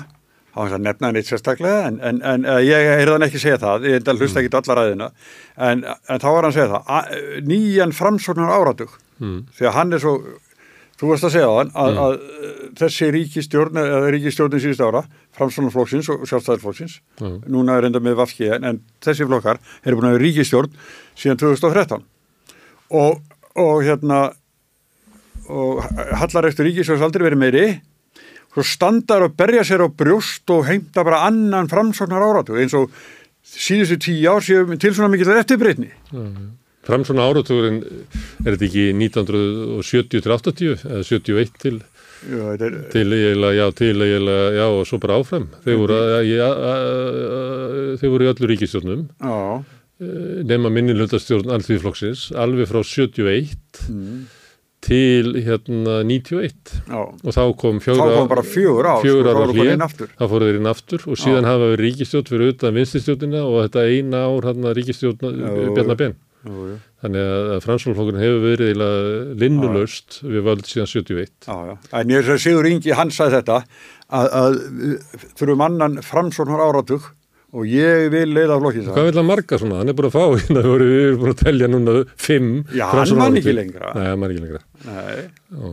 Bara síðan hann kom inn í pólitíkina. Þannig að hann vil fá sjötta framsvölnar áratugin í viðbútt Já, já, en hann er að ávarpa sitt fólk. Þannig að það er fólk, þetta er það sem hans fólk vil leira stappað og klappað. Já, en hann lísti yfir að hann ætlaði að leiða flokkin í næstu kostingu, kom þeirra óvart? Þetta er ekki fullt snemt að segja þetta, það eru tvö ári í þetta. Ég er ekki bara þá einhver ólga hann inn, innan hús sko, sem hann er að reyna að slökka. Já, þetta er ekki, hann er að svara einhverju sem er, við heyrum ekki. Já, hmm.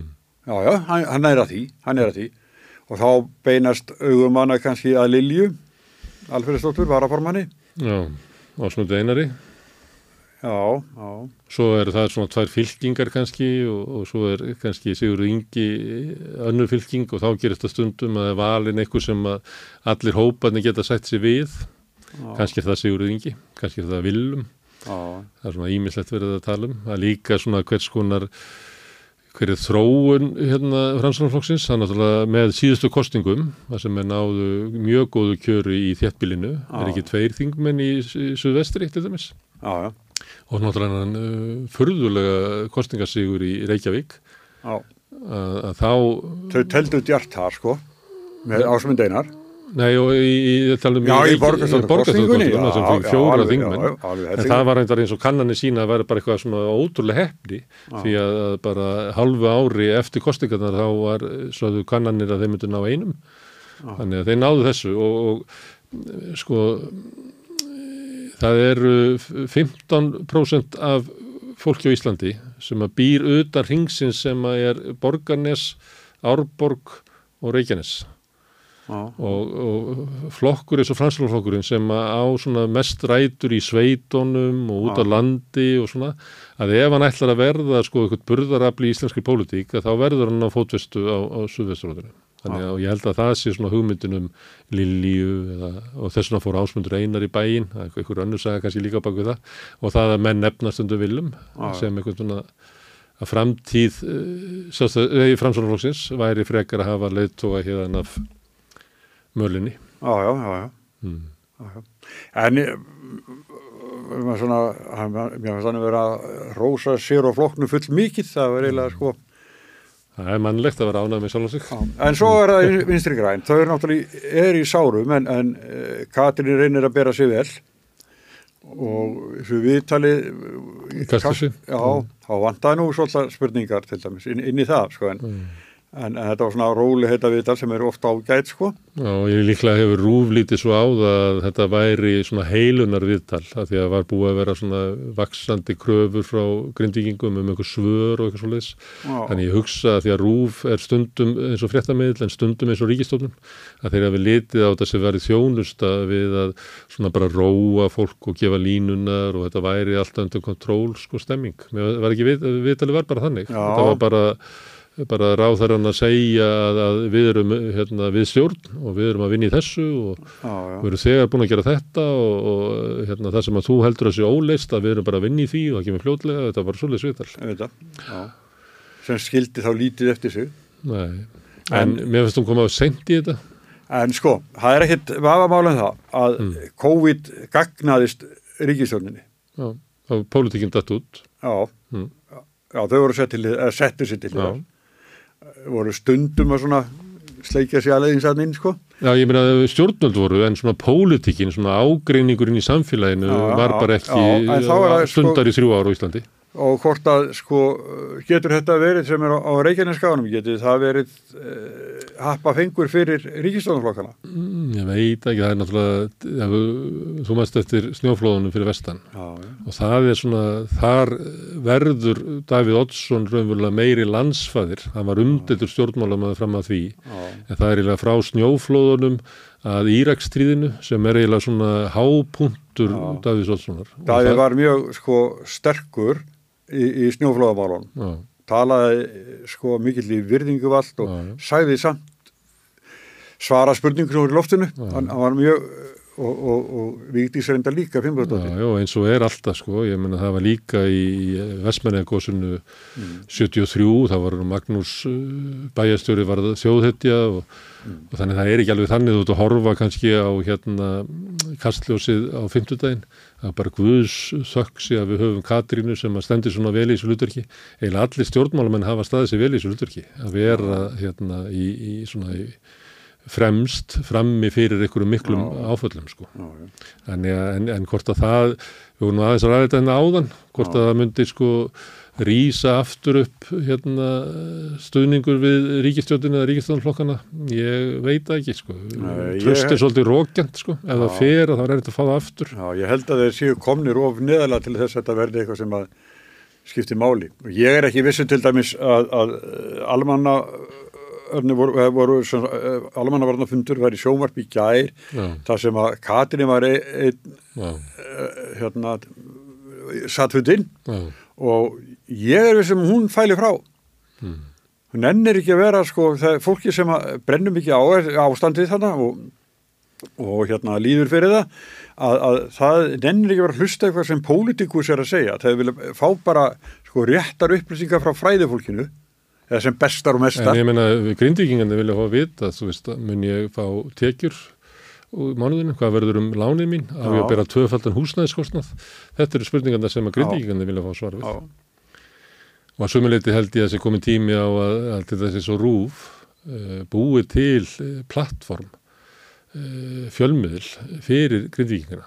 Því að grind, uh, fjölmiðlar eru halda saman samfélagi og nú eru grindvíkingandi dreifður, þú veist, sumir á Snæfellsnesi, margir á Suðurlandi, út eftir hérna, hérna Suðurnesum og, og Reykjanesinu, margir á höfuborgarsvæðinu, auðvitað er svona fínt að fá félagsheimili og ég meina algjörlega nöðsilegt, en það ætti líka að vera, maður ekki eftir hérna blindubræðurunum sem að voru, eiga já, já, og þeir voru með þátt sem að, það sem að er bara sniðið að grindvíkingu, það sem að þeir vilja heyra.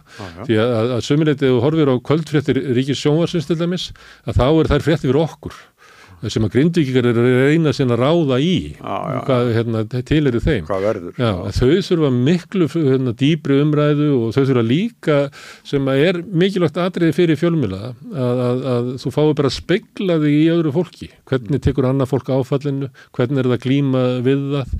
Og, og, og það þarf ekki alltaf að vera umræðu þar sem eru svör stundum erum við bara í einhverju stöðu þar sem er ekki svör. Við erum lifum í fullkonu óvissu en þá er kannski ennþá mikilvægara heldur en oftast áður að við bara ræðum saman. En Þú ert nú búin að gera uh, Já, en ég, við erum bara samstöðun, ég er að segja rúfið Já, ég, ég, ég, er að segja samstöðin hefur, Rúður ekki gert það Nei. en samstöðin hefur talað mjög mikið við. Hinn almenna borgara í Grindavík Já, og verður framhald á því núna rétt á eftir. Já, og það var ástæðan var að því að, að manni fannst, eins og við byrjum strax fyrir viku að hafa grindíkinga hérna, bara venjulegt fólk Já. Að, að tala um, um stöðuna og þá voru bara, fólki var bara nýflúið að heiman Já, já. Og svo heldum við svo áfram með rauðaborðið og við höfum alltaf haft grindíkinga hérna og talað við það stundum í hópi og stundum einn og einn.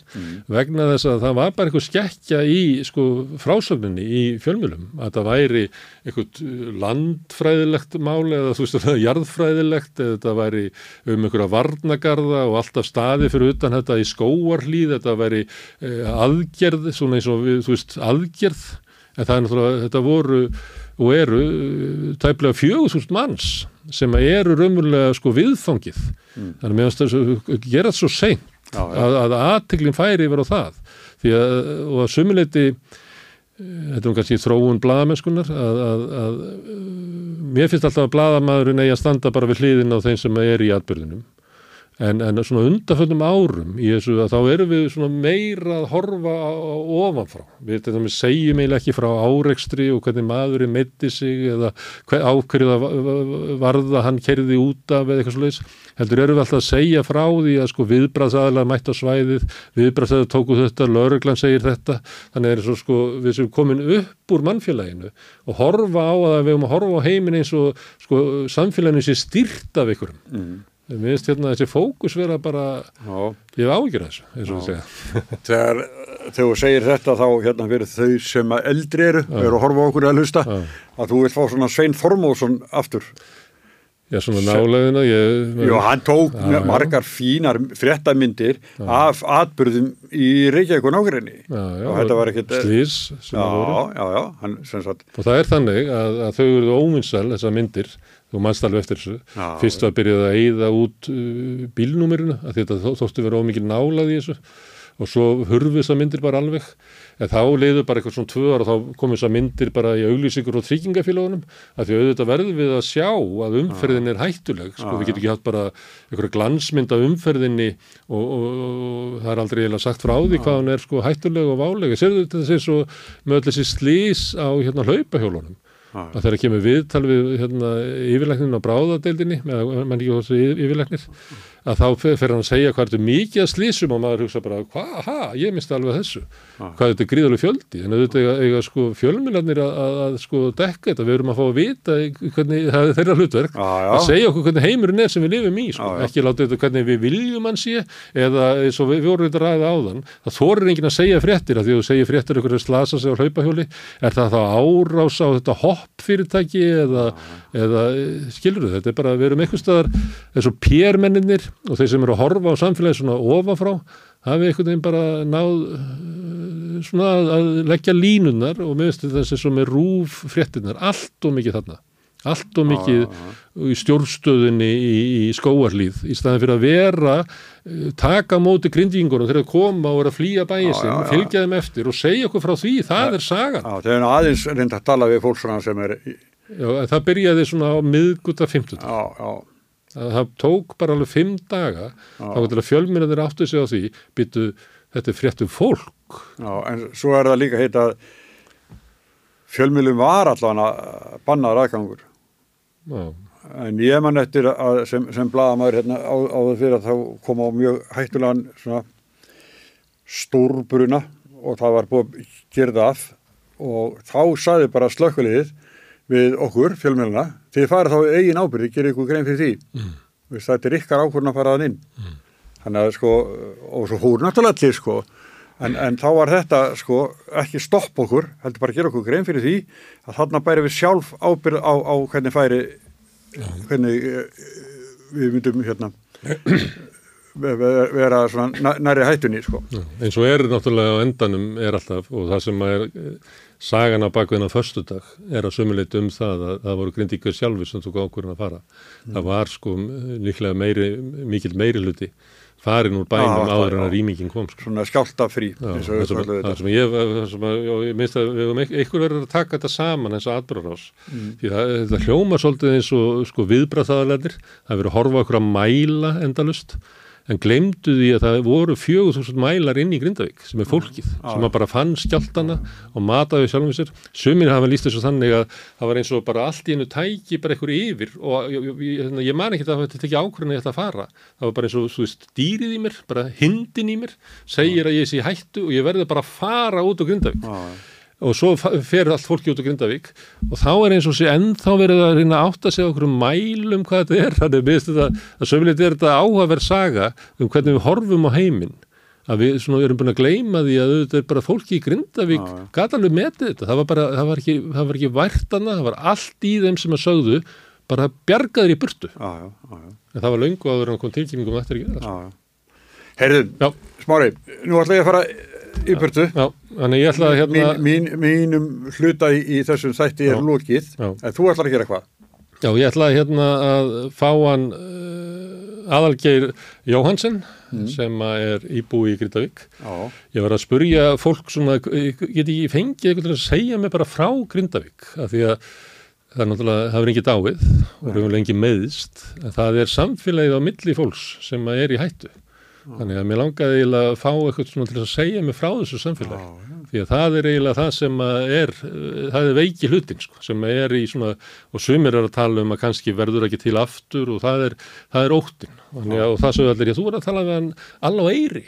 Þannig að ég hefði sambandi við Allá Eyri og hann ætlar að koma til mín og Já. segja mér frá Grindavík og náttúrulega eitthvað frá sjálfum sér og þessum atbyrðum en, en mest er ég bara að reyna að, að fá hann til þess að lýsa hérna Grindavík á hættutímum og ég býst við að yfir þessu verði svona nostalgíja og, og hlýleiki sem að eh, er bara held ég ágætt fyrir okkur að hlusta á og heyra innan um all þessa hérna, lýsingar á, á, á jarðhræringum og unnviðum og aðgerðum og, og bara minna okkur á að, að, að samfélagið í, í Grindavík er, er mikilsverði. Já.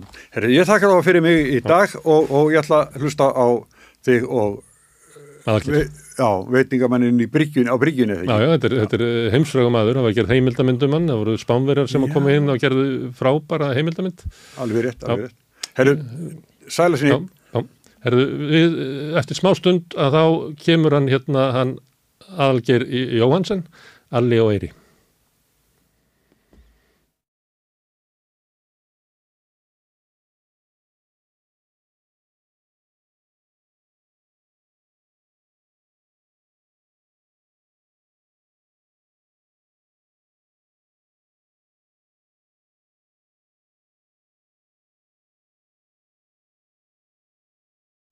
Hvernig getur við réttlætt að sívaksandi hópur eblingarfólks festist á legumarkaði? Ebling stjættarfélag.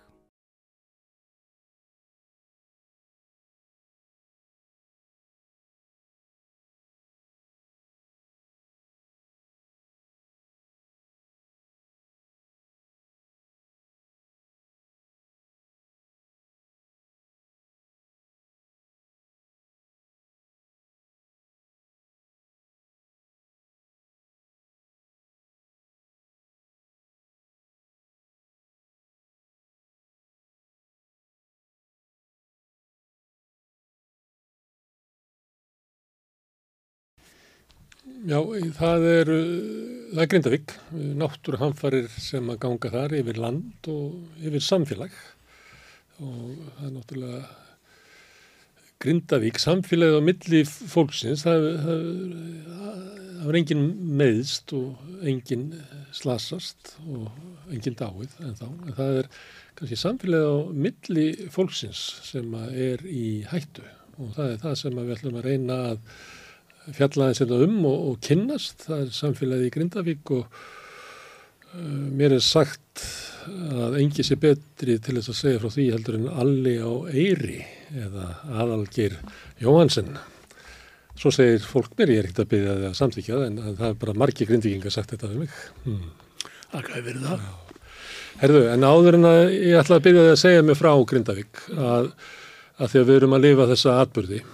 Hérna á förstu daginn fyrir rúmri viku þú þegar þá breytist jarðskjáltanir við, við búið við þessa jarðskjálta í hvað þrjú ár eða meira minna Já, já.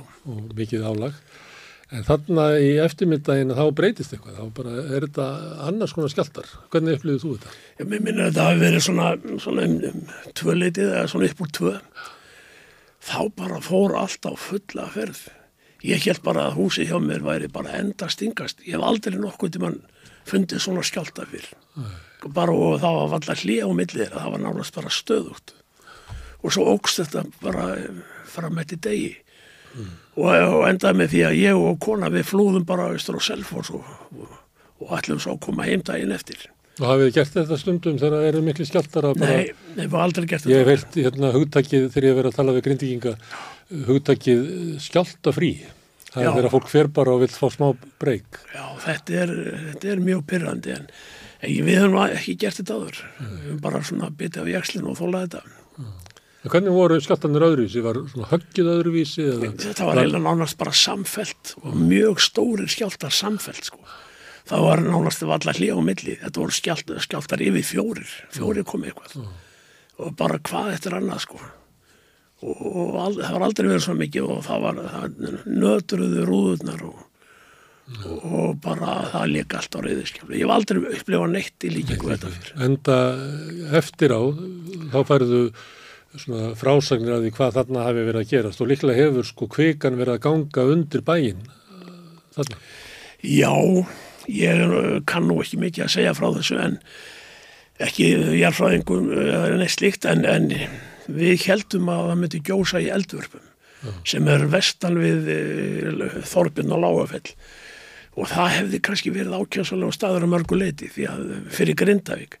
Því að Þorbjörn hlýfir okkur og Lágafell sem er vestan við Þorbjörn það hefði hlýft okkur líka. Og kannski hefði verið að búa til einhverja garda sem myndi leiða þetta þá niður sennilega niður í staðakverfið og, og þá kannski hefur golvellunum verið í hættu.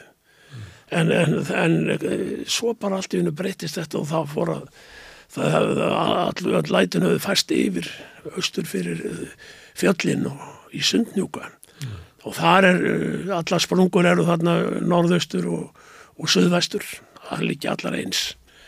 Og einn þeirra mm, ég veit ekki með hennan kviku gang hann undir ég kanni það, mér finnst að já, já, ég vil nú ekki segja ótrúlegt en, en þessar sprungur sem að hafa opnast þarna þær, hafa, þær voru þarna allar þegar ég var allast upp tíu ára gammal þá var þetta opið. Síðan störtuðum að nóni þetta og fylltu þetta upp og, og uh, mér finnst líklegt að í öllum þessum jarðskjáltum þá hafði bara síjast niður það sem að vörubilarnir voru að kera af því að skjáltarnir, þetta er einhver flekarhefing sem að, sem að uh, lætur svona. Já. en kvikan, ég, ég trúi því nú bara valla að það gjósi í Grindavík. En það, það eru gígar þarna með svo jeldvörpum og sundnjúkarnir. Það er náttúrulega hraunið þau sem góðis fyrir 2000 árum. Það, það er hraunið sem húsi mitt stendur á En jarðfæringarnir segja að hérna, þessi kvikugangur hana Já, já. og eins og, eins og ég skil þetta sem leikmaður og utan grindavíkur að þá er þessi skjáltar sem að þið, þið þú ert að lýsa og margir aðrir sem eru voru einhvern veginn öðruvísi og harðari og einhver hafa orðað að það var eins og væri undir fótunum á mér og eitthvað svona en það má vera af því að, að, að eftir á þá heyri fólk skýringuna Já. og þá reynir fólk að átta sig á þessu Já, já. sumi lýsir svo þannig að þetta hafi verið verið svo djöfulegt að fólk hafi verið bara verið komið út úr bíl áður að það sko vissi að væri að taka ákvörðunum að flýja. Það er einhver Já, orðað þannig að það er dýrið í mér bara sagði ég er það að fara. Já, ég get vel trú að þessi rétt þetta er náttúrulega einhver tegund af hrænslu eða sjálfsberga viðlitni sko. það, er, það var ekkit ólíklegt að eitthvað, eitthvað mikið var að gerast þarna sumir auðvitað kannski held að það myndi gjósa bara undir fótunum að þeim og það er ekkit óeðlilegt held ég að Ég held að enginn hafi haldið á þeim tíma Nei. af því að fólk held einmitt að gósið yrði annars það. Já, já. Það var ekki fyrir en bara daginn eftir að, Já. að það kom eins og frásagnir um kvikugang hérna, Já, já. sem hafa gengið alveg út í sjó sko. já, já, Herðu, þannig að þið hjónin fóruð á, á Selfoss já, já, og þá heyrðu þið tilkynningur eftir að rýma bæinn já, já rétt fyrir minnætti eða með 11 leiti sko. og voru þið með bara handvarangur við vorum ekki með neitt bara, bara hérna í fötin sem við stóðum í og, og ekkit, við vorum ekkit að flýja neitt sko, því við heldum að við kemum bara heimdægin eftir eftir góða nótt á Selfossi. Hefur þið farið aftur? Ég hef einu sinni farið á heim og, og sótti bílinn sem var þarna pick-up sem við áttum eða sem við nótum fyrir fyrirtækið sko, netaverstað og, og eitthvað á dóti við fengum að fara þarna heim. Og, og það var allt í góðu lagi heima hjá mér. Hiti á húsinu og frost á fristi skápnum og, og allt í góðu lagi. Það var, það var ekkit vandamál og engi ekki tröðni neitt úr hillum eða, eða veggjum. Það að snúa tilbaka, svona fólk segir ímislegt hérna þegar ég er að spurja það, náttúrulega getur ekki svara það því að sko hamfæriðnar er ekki búnar, þannig að veit ekki hver niðurstaðan verður. Margir tala um að það sé bara best að komi í ljós hvað á að verða úr þessu sem allra fyrst, þessi óvisa sé óbærilegt. Já, já. En svo segir fólk sumi segja ég mun ekki fara í, í, til grindaðugur í vetur, ég er með börn og, og þau fyrir mjög skóla eitthvað annar staðar og þannig að fólk er byrjað að, mér finnst að tegjast mjög á í vikunni, hvernig fólk leita á þetta bara þegar ég var að tala við á mánundaginn og svo yfir á förstundaginn, þá tegjast nú eins og fólk sé að sætta sig við að, að, að ég er ekki að fara heim fljótlega sko. Sko ég held að það sé mjög eðlert þegar við mennur, fólk er með börn í skóla. Mm. Það er auðvitað floknara, þetta geta mann ekki flakkað í skólan og aftur í einhvern annar skóli sitt á hvað heila vetur. Því ég held að menn sætti sjálf við það að vera koma börnunum fyrir í einhvern skóla og fylgja þeim bara þá er skólinni búin mm. það er mjög eðlert ég hef ekki hitt marga eða hirt í mörgun sem að hafa tekið afstöðu og að fara aldrei aftur til grindavíkur út af þessum hamförum. Ég veit marga sem að vilja bara fara heim sem fyrst og byrja bara að bretta upp ermar og byggja upp og og ég held að það sé langstæsti hlutin að gröndingingu sem hugsa þannig. Og það var þannig í Vestmannum og Sundima? Já. Ég held að það veri 85% sértir aftur. Og það var, þar góðst nú í miðum bænum sko. og maður orði á húsin fara eh, undir raun, Já. bara það var agalett að sjá. Mm. Ég þekki marga Vestmannum og margi góði vinnu mínur á Vestmannum. Mm. Og margi sem fóru frá Vestmannum til Grindavíkur. Grindavíkur. Já, já og það, það eru líka, er ekki viðlagsjósus? Jú, jú, jú, jú. Ég manði ekki hvað eru marg, ég er allir ekki 40-50 eða eitthvað svo leiðis.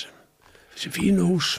Alveg, en hérna, ég ætlaði að fá þig til að segja mig frá hérna personunni sem er í Háska, sem er Grindavík, af því að, að Grindvíkingarnir björguðust, en samfélagið og hvað þetta er, Já.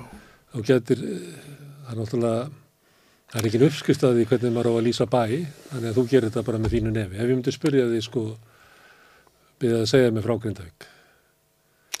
Já, þakkaði fyrir spurninguna. Gott að fá tækifæri til þess að segja eitthvað. Og þá langar maður að segja þér frá táruðu tveir bræðra sinnir. Fyrir mörgum árum síðan. Mm. Annar hétt Einar Einarsson og hinn hétt Bjarni Sæmundsson. Einar Einarsson var, Einar G. Einarsson var businessmaður, mm. byggði upp mikið veldi í Grindavík, vestlun og, og landegandi og, og um, allt það en hinn var Bjarni Sæmundsson, hann fór í nám og lærði fiskifræði. Mm. Og þegar hann kom heim eftir að vera búin að læra þá var ekki til neinn stopnun almennileg svona handónum til þess að starfa í. Hann gerði sitt besta. Fiskifræðingur án Hafrárssonstofnunar? Já, án Hafrárssonstofnunar. Hann gerði sitt besta Já. og fekk að fara á sjó á tórum. Mm. Fekk að fara með tórunum út á sjó og skoða sem og gera sína tilunir. En hann uh, hafði ekki eins og kóju til að sofi. Hann, hann var bara að leggja sig einhver staðar í kóju þegar hinnir voru að vinna á dekkinu eða annar staðar í skildustörfum og einu sinni voru þeir á tógarnum skallakrífi út á bankan, Selhórsbankan mm. og fyllt hann þar og lögðast það til Reykjavíkur með skipið þetta var einhvern tíman í, í lok mass eða byrjun april mm. og uh, þarna fekk Bjarni að, að kasta sér í bestikkið sem er kortarklefin inn á brunni og hásettin sem var á stímvakt og Bjarni þeir voru miklu vinnir og síðan eh, er stefnan tekin fyrir Reykjanes dólað með frá ströndinni og svo sjá þeir heim í Grindavíkina og, og það er vel eitthvað verið norðan góla því að sólinn skein yfir, yfir landið og fjallin og, og, og hraunir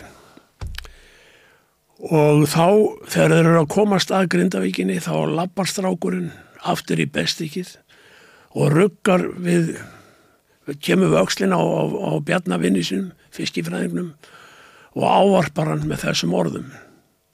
Góðan daginn, grindvikingur, gott er veðrið, sléttur sær, svífa í hilling suðunesin, sólaróð á hlýðastlær. Fyrir handan hraun og tinda, huga kær og minna rík, býður okkar bernskuströndin, bremi sorfin, grindavík. Þetta er þetta flökkusaga sem ég er að segja þér. Ja og ég tek enga ábyrð á sannleiksskildi þetta er ekki sakfræði sem ég er að segja núna mér finnst bara saga góð og hún ilja mann um hjartarætur að því að uh, þetta kvæði hásittinn var skáldið Örn Arnarsson sem var hafnafrið hann, hann bjóði hafnafrið já það var reyndar að norðan sko. Og vopna fyrir það þar einhverstar en hann er svona bæjarskáld hafnafriðinga já. En þú ert að fara með kvæðið að það hefur verið mikið að vera að dreifa á Facebook svona einhverjum um Grindavík. Og það er ein mynd sem að vissum að þú er ekkert um að séð það sem að sólinn kemur einmitt þarna yfir og, og Grindavík er í svona nærgrunni og sem er eiginlega alveg svo þetta sem þetta lýsa þegar sólinn er svona látt á lofti. Já, Já. það er tilfinningar nefnt fyrir tilfinningar ríkt fyrir okkur Grindvíkinga svona, svona svipmyndir Já og við erum kannski ekki alveg í standi svona til þess að ræða þetta vel núna við getum bara að fara að grenja alveg fyrir hann með laust í, í svona uh, ástandi eins og nú er Af því að bærin ykkar uh, samfélagið er í hættu Já mm. Það er í hættu Já. og þetta er gamalt samfélag Já. mörg hundra ára gamalt og, og, og lengi var stunduð með sjóin Já. Á áttæringum, árabátum það voru, það voru reynda mikið frá grindaðegur og tí rónir áttæringar 11 mennum borð það var formaður og tíu hásitar mm. þess að tveir á, á tveimur árum það voru tveir á, á, á árum síðan silduð menn líka voru með segl en þarna það, og síðan komiður á bátunum upp í fjöru í varirnar mm. og bárið svo fiskin seiluðan og báran á bakinu upp á skiptavöll og skiptónum þar mm. þetta var, þetta var alveg svakaleg vinna við fóru eldsnefn á mótnana og komum sent á kvöldin höfðu rétt tíma til að kasta sér til að fara á, á sjóin aftur mm. en auðvitað var þetta háð veðri og vindum, þetta voru nú bara litli bátar mm. en það eru samt dæmi um það á þessum árabátum hann hétt Guðjón Gíslason mm. sem var formaður hann fekk eina vertiðina sko hann var, hann var lengur með árabátu það var árabót eftir að margir úr konum með vélar í bátana Lóttinn í, í vélaöld. Já, ekki langt en, en allavega kannski eina vertið Já. því þeir voru búin að setja vélar í þessa áttæringa. Já. en hann var enn með, með hérna með áratnar og seglin. Og það er dæmi um hann að fiskað 50.000 fiska á þessum græfum. Og bara svona til að gera og þá voru náttúrulega ekki, það var bara fiskur sem var hægt að selja ekki það sem að náttu sjálfur mm. og það, ef, ef, við tökum hérna segjum að meðalviktin hafi verið 8 kíló mm. þá kemur það út að þetta hafi verið 400 tonn. Þetta er, þetta er lígilegt þetta, þetta, er, þetta er ekki nokkulega ég, ég, finn, ég finn ekki stað hvað ég á að setja þetta í heilanum. Nei, en, en það er samt held í skíslu til yfir þetta já, já fiskifélaginu En Grindavík uh, samfélagi byggist náttúrulega upp af því að það er hægt að róa á miðin þau eru það stutt frá alveg rétt mm. það er eh, líka það var á, svona í kringum 1938 það voru menna að byggja bryggjur við varirnar, gamlu varirnar mm. sem voru eiginlega bara fyrir trillur og eh, einar sveitarhauðingin sem ég sagði frá áðan mm. hann kvatti menn mjög til þess að grafa inn í hópi. Það er svona lón fyrir innan og læna en svo grunn að það komst ekki inn nokkuð bátunum að kannski á stórstunum flóði mm. og hann kvatti menn svolítið til þess að djöblast í skurðinum hérna í ósnum að dó hvort það væri hægt að stækkan og búa til svona skip, svona getur það skipa já, annars bara, voru bátunni bara dregnir upp í fjöru. Já allavega sko einhverja trillur, minnstu, minnstu trillur. Og það voru nokkur ungi menn þeir voru reyndar að klára að steipa þessa bryggjur þarna við varinnar við eh, norðuvör og söðuvör og staðavör. En, en hérna sögðu með sjálfu, við sjálfa sig að þetta væri bara vittlesa nútími væri ekki svona eins og þeir voru uh, að vinna við. Og í framhaldinu þeir kláruð á Steipasabryggju þá fóruð því nokkur ungi menn með haka, skoblu og játkall og hjólpur í stífölum fóru niður í ósin með þessi frumstæðu verkværi og þóttust vera að grafa fyrir höfn eða sögðust vera að grafa fyrir höfn. Við erum allir að trúa því sjálfur og ég held að það sé mjög nöysilegt að trúa þessu alveg klárt. Og ég get sagt ég það þessir menn þeir björguðu Grindavík. Það munaði voðalega litlu á þessum, þessu augnabliki að Grindavík því svona svipað og, og vinir okkar og hérna á, í höfnunum sem er vestan og reykjanesi sem hefur enga höfn og er enn samt fallektar og, og, og glæsilegt að, að vera þar. Og sem var svona verstuð á tímum árabáta. á tímum árabáta. En þessi þetta það, sko það þarf að minnast á þessu menn. Mm. það er vola lítið gert en, en ég held að grindvikingar gleymi þeim aldrei. Mm. Það er byggðu grindavík með því að já og síðan þegar það var orðið svo komur náttúrulega grettir og fleiri til að grafa mm. núti við verkværi og sprengjur og, og grófu inn mm. í höfnina og um leið það voru náttúrulega byggðar einhverja bryggjur um leið komu fram ungir grindvikingar, frumkvölar, mm. hættu fjárhanslega, lögðu sér áhættu fjárhanslega áhættu til að kaupa báta. Margir ungir menn gerði þetta frumkvölar og byrjuðu bara að róa og fiskuðu eins og brjálaðingar. Þetta voru, þetta voru rosalega kraftmikli strákar. Mm. Og ég, ég skal nefna nokkra, bara til dæmis eins og, eins og Sigur Magnússon og Sverri Sigursson Þeir stopnuðu uh, félag og fóru í mæ 1946 inn í Keflæk til að kaupa sér bát sem hétt Rafn Sveinbjarnason. Og 1900, þegar byrjaði nú ekki vel hjá þeim, það fór nú velin alveg á fyrstu vertið, en svo árið þar á eittir þá var þetta hæsti báturinn í Grindavík. 1948-49 held ég að Siggi hafi verið aflakongur í Grindavík. Ég er ekki með þetta með höndan, ég er bara að grafa þetta upp á hausnum og þetta eh, síðan liðu ára og þetta er eiginlega upphafið að Þorbirni HF þeir, þeir, þeir splittuðu sér Sverrir fór annað og Siggi þeir heldu áfram og setna var þetta Þorbjörn HF og var mjög öflugt fyrirtæki er öflugt í dag líka. En Sverrir fór lengra og byggði nýtt hús sem hann kallaði Val og kefti bát og fór að verka sjálfur og allt þetta.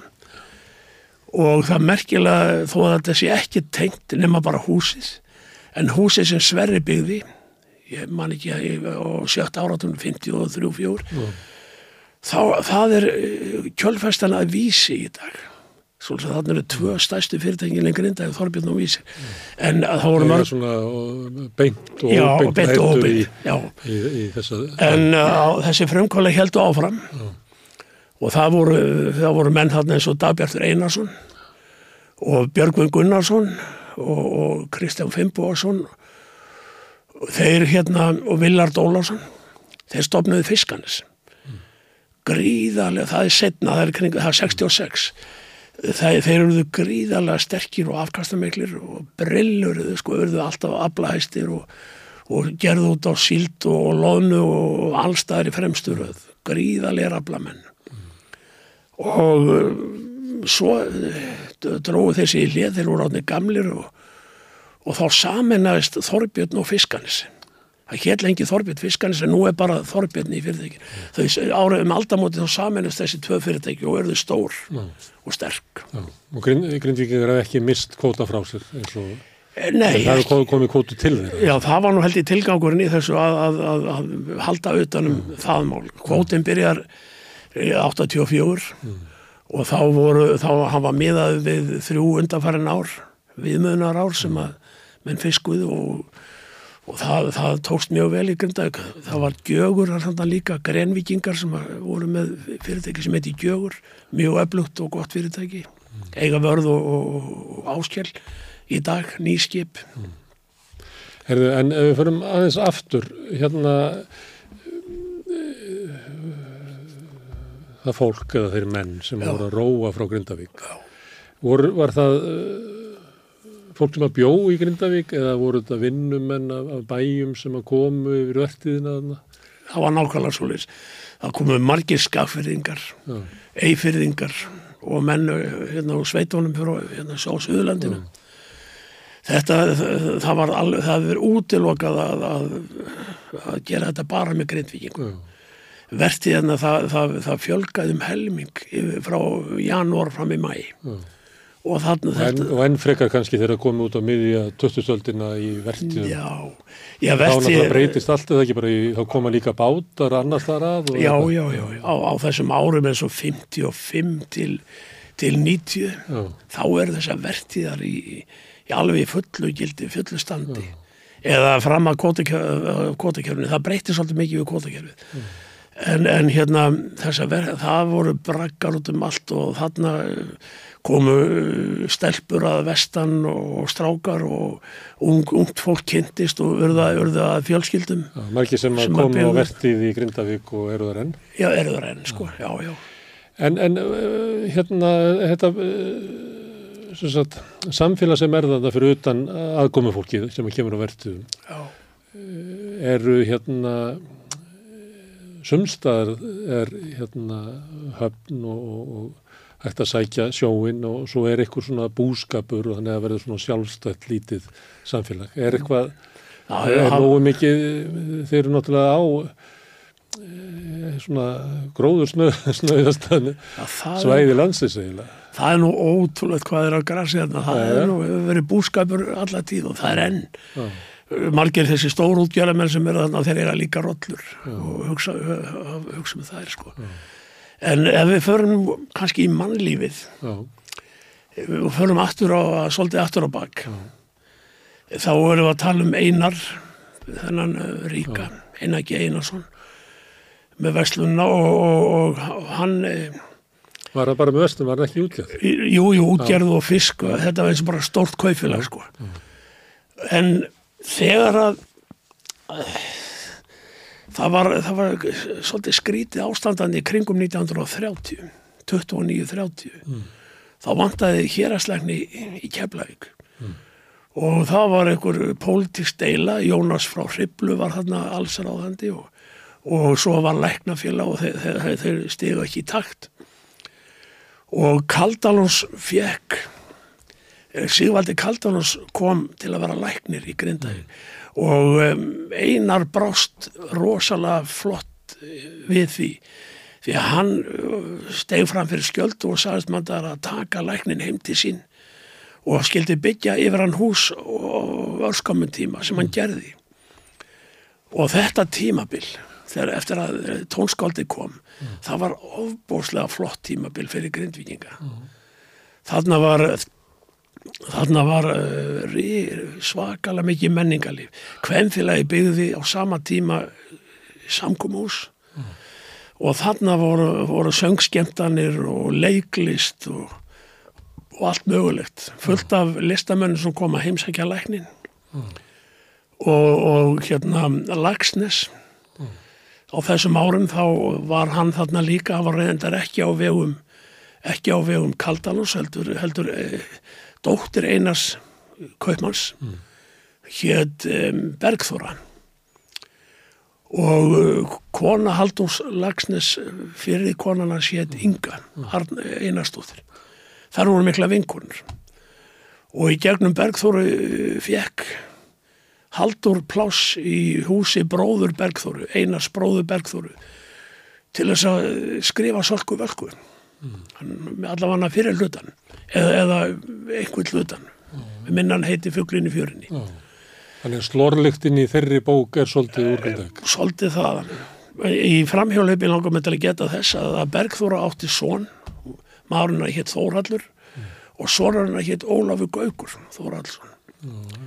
Og hafði, hafði gerði setti mikið sveip og grindaðik. Mm. Aftur langar með til þess að minnast á annaða að í gamla dag þá voru, sko, hverfin voru Grindavík hefur alltaf verið hverfaskipt.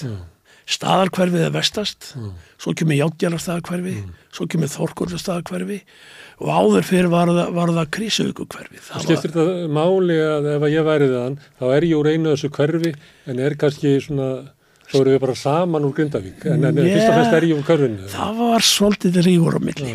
En gott og vel en, en sko en hérna núna nýjast hefur komið þetta bláalónskverfi þannig Krísuvíkukverfi hefur farið undir Hafnafjörð en það hefur komið nýtt bláalónskverfi gríðalega afkasta mikið hverfi fyrir Grindavík. Mikil framleiðsla þar og, st og stór ferðamannastaður. Og ferðaþjónustan hefur vaksið upp á síðkasti mikið í Grindavík. En mér langar að segja annað og svo ég farið kannski úr einu, úr einu í annað að um, Vigdísavellir eru þannig fyrir ofan Grindavík. Og þar var, var, voru hérna voru sel. Það voru, voru kindur sem voru mjölkar búin til ostur. Og uh, þegar, þegar að Íslandika kunna búa til söðhás Já. sem menn hafa tínt Já, já, en það var gert þarna á þessum árum. Þetta var nú fyrir aldamótin, sko, 1900. Og þarna var maður austan og sveitum sem hétt Eyjólu Björnsson, kemur úr Ölvisinu. Mikill fjármaður, svona hafið mitt á kindum og öllu þessu. Hann er ungu maður og kemur þarna í selið á Vítisaföllum. En, og svo selstúlkunar voru allar á Vastleysustrand. Þetta var svona samspil þarna og uh, Vilborg Þorsteinsdóttir frá auðnum á Vastleysuströnd og Eyjólu Björnsson feldu hugi saman og verðu hjón fluttu svo til Grindavíkur byggðu þar upp fyrst í Kvíhús og svo í Krosshús. Og um, þau áttu þrjú börn. Eh, stúlka var elst sem hétt Elin svo kemur Guðsteinn og svo kemur eh, Guðrún. Hún var amma mín. En, en Guðsteinn var einn af þessum framkvæmdamönnum ekki hár í loftinu en, en kraft mikill og hann flyttur fætti Danmörkur að læra að sauma föt utan um kallmenn og stofnar svo fyrirtækið og byggir á laugavegin 34 og heitir Gu- hét Guðsteinn Eyjólfsson. Þetta er allt saman grindvíkingar sem þannig er og mikil tengsl á svo milli. búður en já, já, svo búður en ekki mm. fjölskyldinu Nei, sagt ekki en- fjölskyldinni það- en, en það, það, þetta er svona grindavíkur sögur sem ég er að segja þér og tengsl. Já, já. En segðu mér hérna, eh, þú segir að það eru menningabæri eins og Já. að vera með kaldalun sem Já. að uh, samdu mikla músík. Verða það þannig að, að, að það hafi músík sem að við þekkjum verið frumflutt í Grindavík? Já, já, ég veit að Suðunis að menn er náttúrulega eftir, eftir, eftir Kaldalans og hann er náttúrulega búið það til eftir að hann kom til Grindavíkur en uh, hvað er eftir Ólínu Andriðsdóttur en það er jólalag sem að ég, mér finnst jafnast alveg á við heimsumbólið það var frumflutt í litlu kirkjunu í Grindavík á jólum 1941 Lagið er nóttin var svo ágætt einu og allir þekkja. Syngja núna eftir sex vikur þegar koma jól. Og, og hérna, En talandi um það að þetta sé erfið tímir fyrir ykkur grindvíkingur að grindvíkinga, þá verður það líklega þannig að þegar þetta verður sungið að þá mun enginn hafa þau augu að, frá ég býst við því.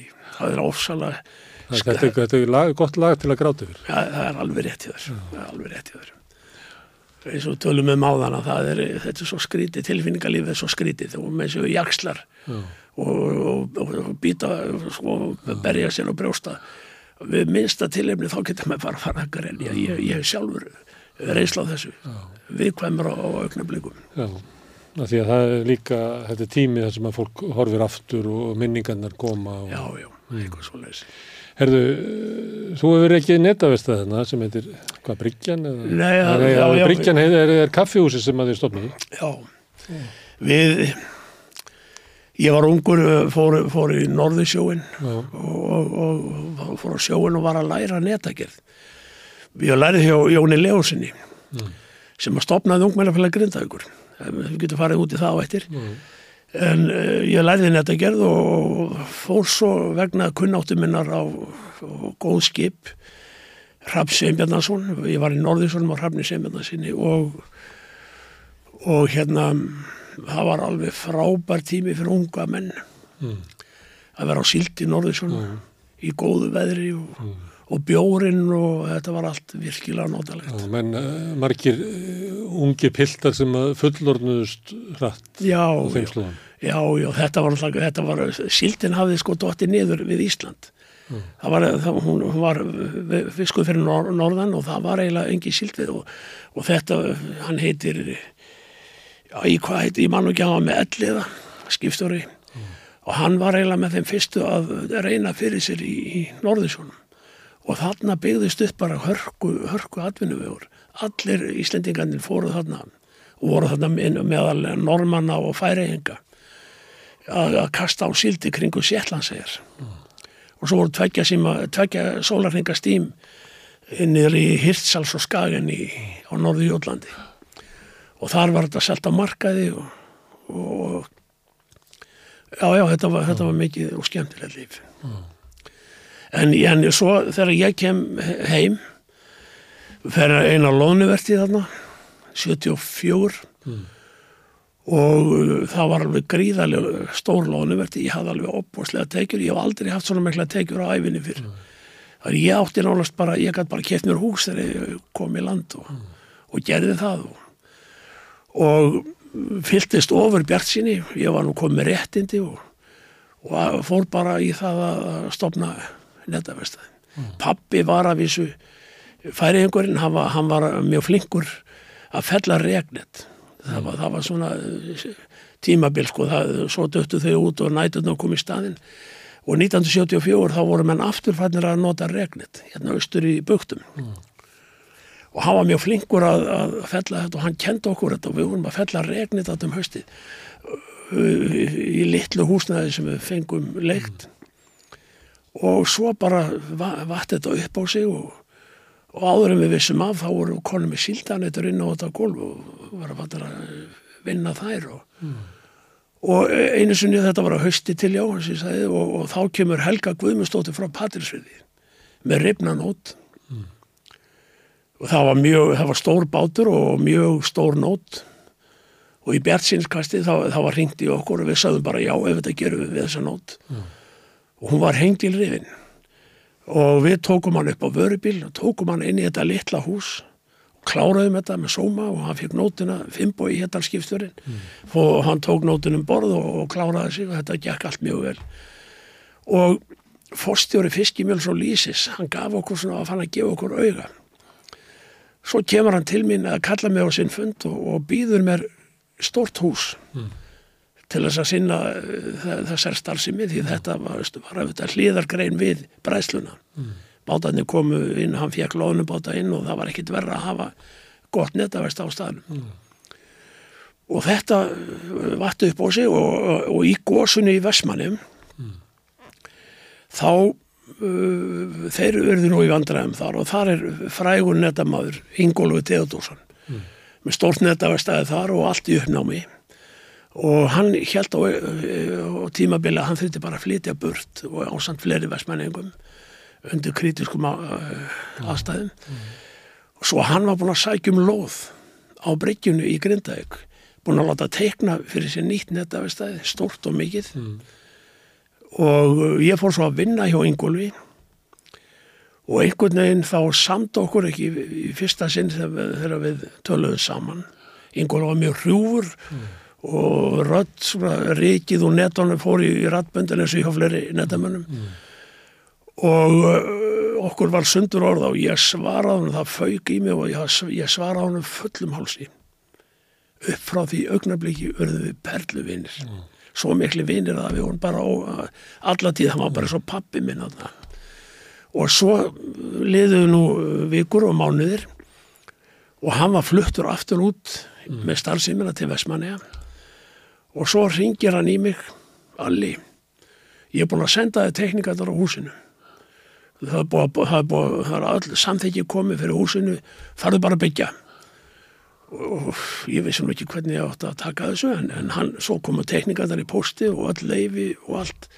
Og, og þú borgar mér bara þegar þú hefur efna á það og, og í, var bjartsinni með að við starfsemina sem þú hafðir þá? Nei, nei, þetta var akkurat, Akkúrat það sem var. var orðin svo mikil vorum með, og uh, gallin var sá að við þurftum að taka þetta upp á trailera þessar Mm. nætur þetta voru stundu 2, 40 þetta gáma þetta voru svo þungt í vöfum en þetta nýja hús, við byrjuðum að byggja 5. april 1979 18. júni árið eftir 1980 þá tókum við inn tvær nætur, báturinn laðist bara við bryggjukantinn og við krektum inn endan og settum, hýðum hann inn og settum hann inn í kjallara. Þetta var algjör bylting.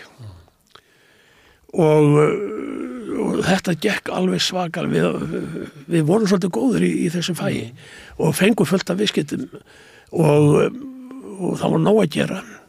En bara einhverjum tveimur árum setna þeir sögðu sko loðunan var í upphafi þarna svolítið. Og uh, var, þetta var í, maður heyrði það á fiskifræðing og þetta var í fréttum, allir voða bjart sínir þetta var í svakala stór fiskistofn. Og það var hægt að já, þetta var, þetta var rosaleg framtíð í loðunni tveimur árum setna á bannað að veða loðunu fyrir ofveiði. Og það setti okkur verulega stóli við þennar það voru erfiði tímar og við vorum eða alla tíð að, að baksa var einn að bjarga okkur út úr þessu, þessu máli en, en svona, svona var nú þetta ég, já, já, þetta, þetta er svona þessi tími Þegar, ég, það var, ég, en svo með bryggjur Nei, en að klárum netavestið áður fyrir byggjuna. Já. Hvað er hérna, var það bara opið á 15. síðustu viku? Hjá okkur? Eða, já, sko það, það er svolítið síðan að við seldum húsið já, en um, þeir sem keifta af okkur þeir uh, buðu okkur sko, við sá eitthvað eitthvað í því að hafa okkur innan dyra hjá sér uh, settu veitingasal í, neta, Já. í netavestæð en uh, töldu að það væri kannski of stort fyrir veitingasal þeir settu vegg og spurðu hvort að við myndum ekki vilja vera þarna áfram hinum meginn við vekkin. Hinum með veggin en það var að vera gler því að ferðamenninni Það séður til sýnis. Já, við erum bara í, til sínir því að það er þannig laga sko. við erum samt að þetta er alltaf miklu minna heldur en var. Við erum bara þrýra Þetta er sko. raunveruleg starfsemi, þeir eru ekki Það að þykjast að, Nei, nei, nei, að gera net. við erum með uh, fyrir, fínt, svakalega gott fyrirtæki að þjónusta sem heiti Gjögur, ég myndist á áðan. Og bátarnir eru splungu nýr áskell og vörður. Miklu vinnir okkar og fiska vel Hérna, þú nefndi bryggjuna sem er, hvað er það, kaffihús eða veitingastæður eða hvað kallir það? þegar við byggum til bryggjuna Þetta er frækt vegna þess að það hefur verið gerð heimildamönd. Já, já, já, já. Við, og, já, sko, við vorum að, þetta var vírakompan okkar, við vorum að splæsa víra í þessari kompu þannig niðri, dróðum bara víran upp á bátanum og inn um dittnar og í splæsigræðunar og, og þetta var svolítið hendut svo út aftur. En þegar umhægðist þá við datt okkur bara í huga að opna eitthvað þarna í þessu lokali þarna niðri. Bara, um, við vissum eiginlega ekkert hvað það var sem við ætlum að opna. En uh, við innréttuðum þetta, þetta tókst vel að innrétta, þetta var svona gróft, svona beitningaskóra fílingur það inni. Og við settum til dæmis ablakongalista, fórum í söguna og tókum upp alla ablakonga frá 1945 fram að kvotakerfinu. Og sem þetta vekur mjög, og það er, það, er, það er eins og, ég sá þetta þegar ég var að spila golf út í Englandi. Þá er þetta, þegar maður kemur inn í enska golfskála, þá sér maður á veggjónum sko hérna, meistara klúpsins frá átjánatur og eitthvað. Þetta er ótrúlega flott hjá þeim. Og mér, mér dætti ég að stæla þetta og notaði bara ablakonga í stæðin fyrir golfmeistara.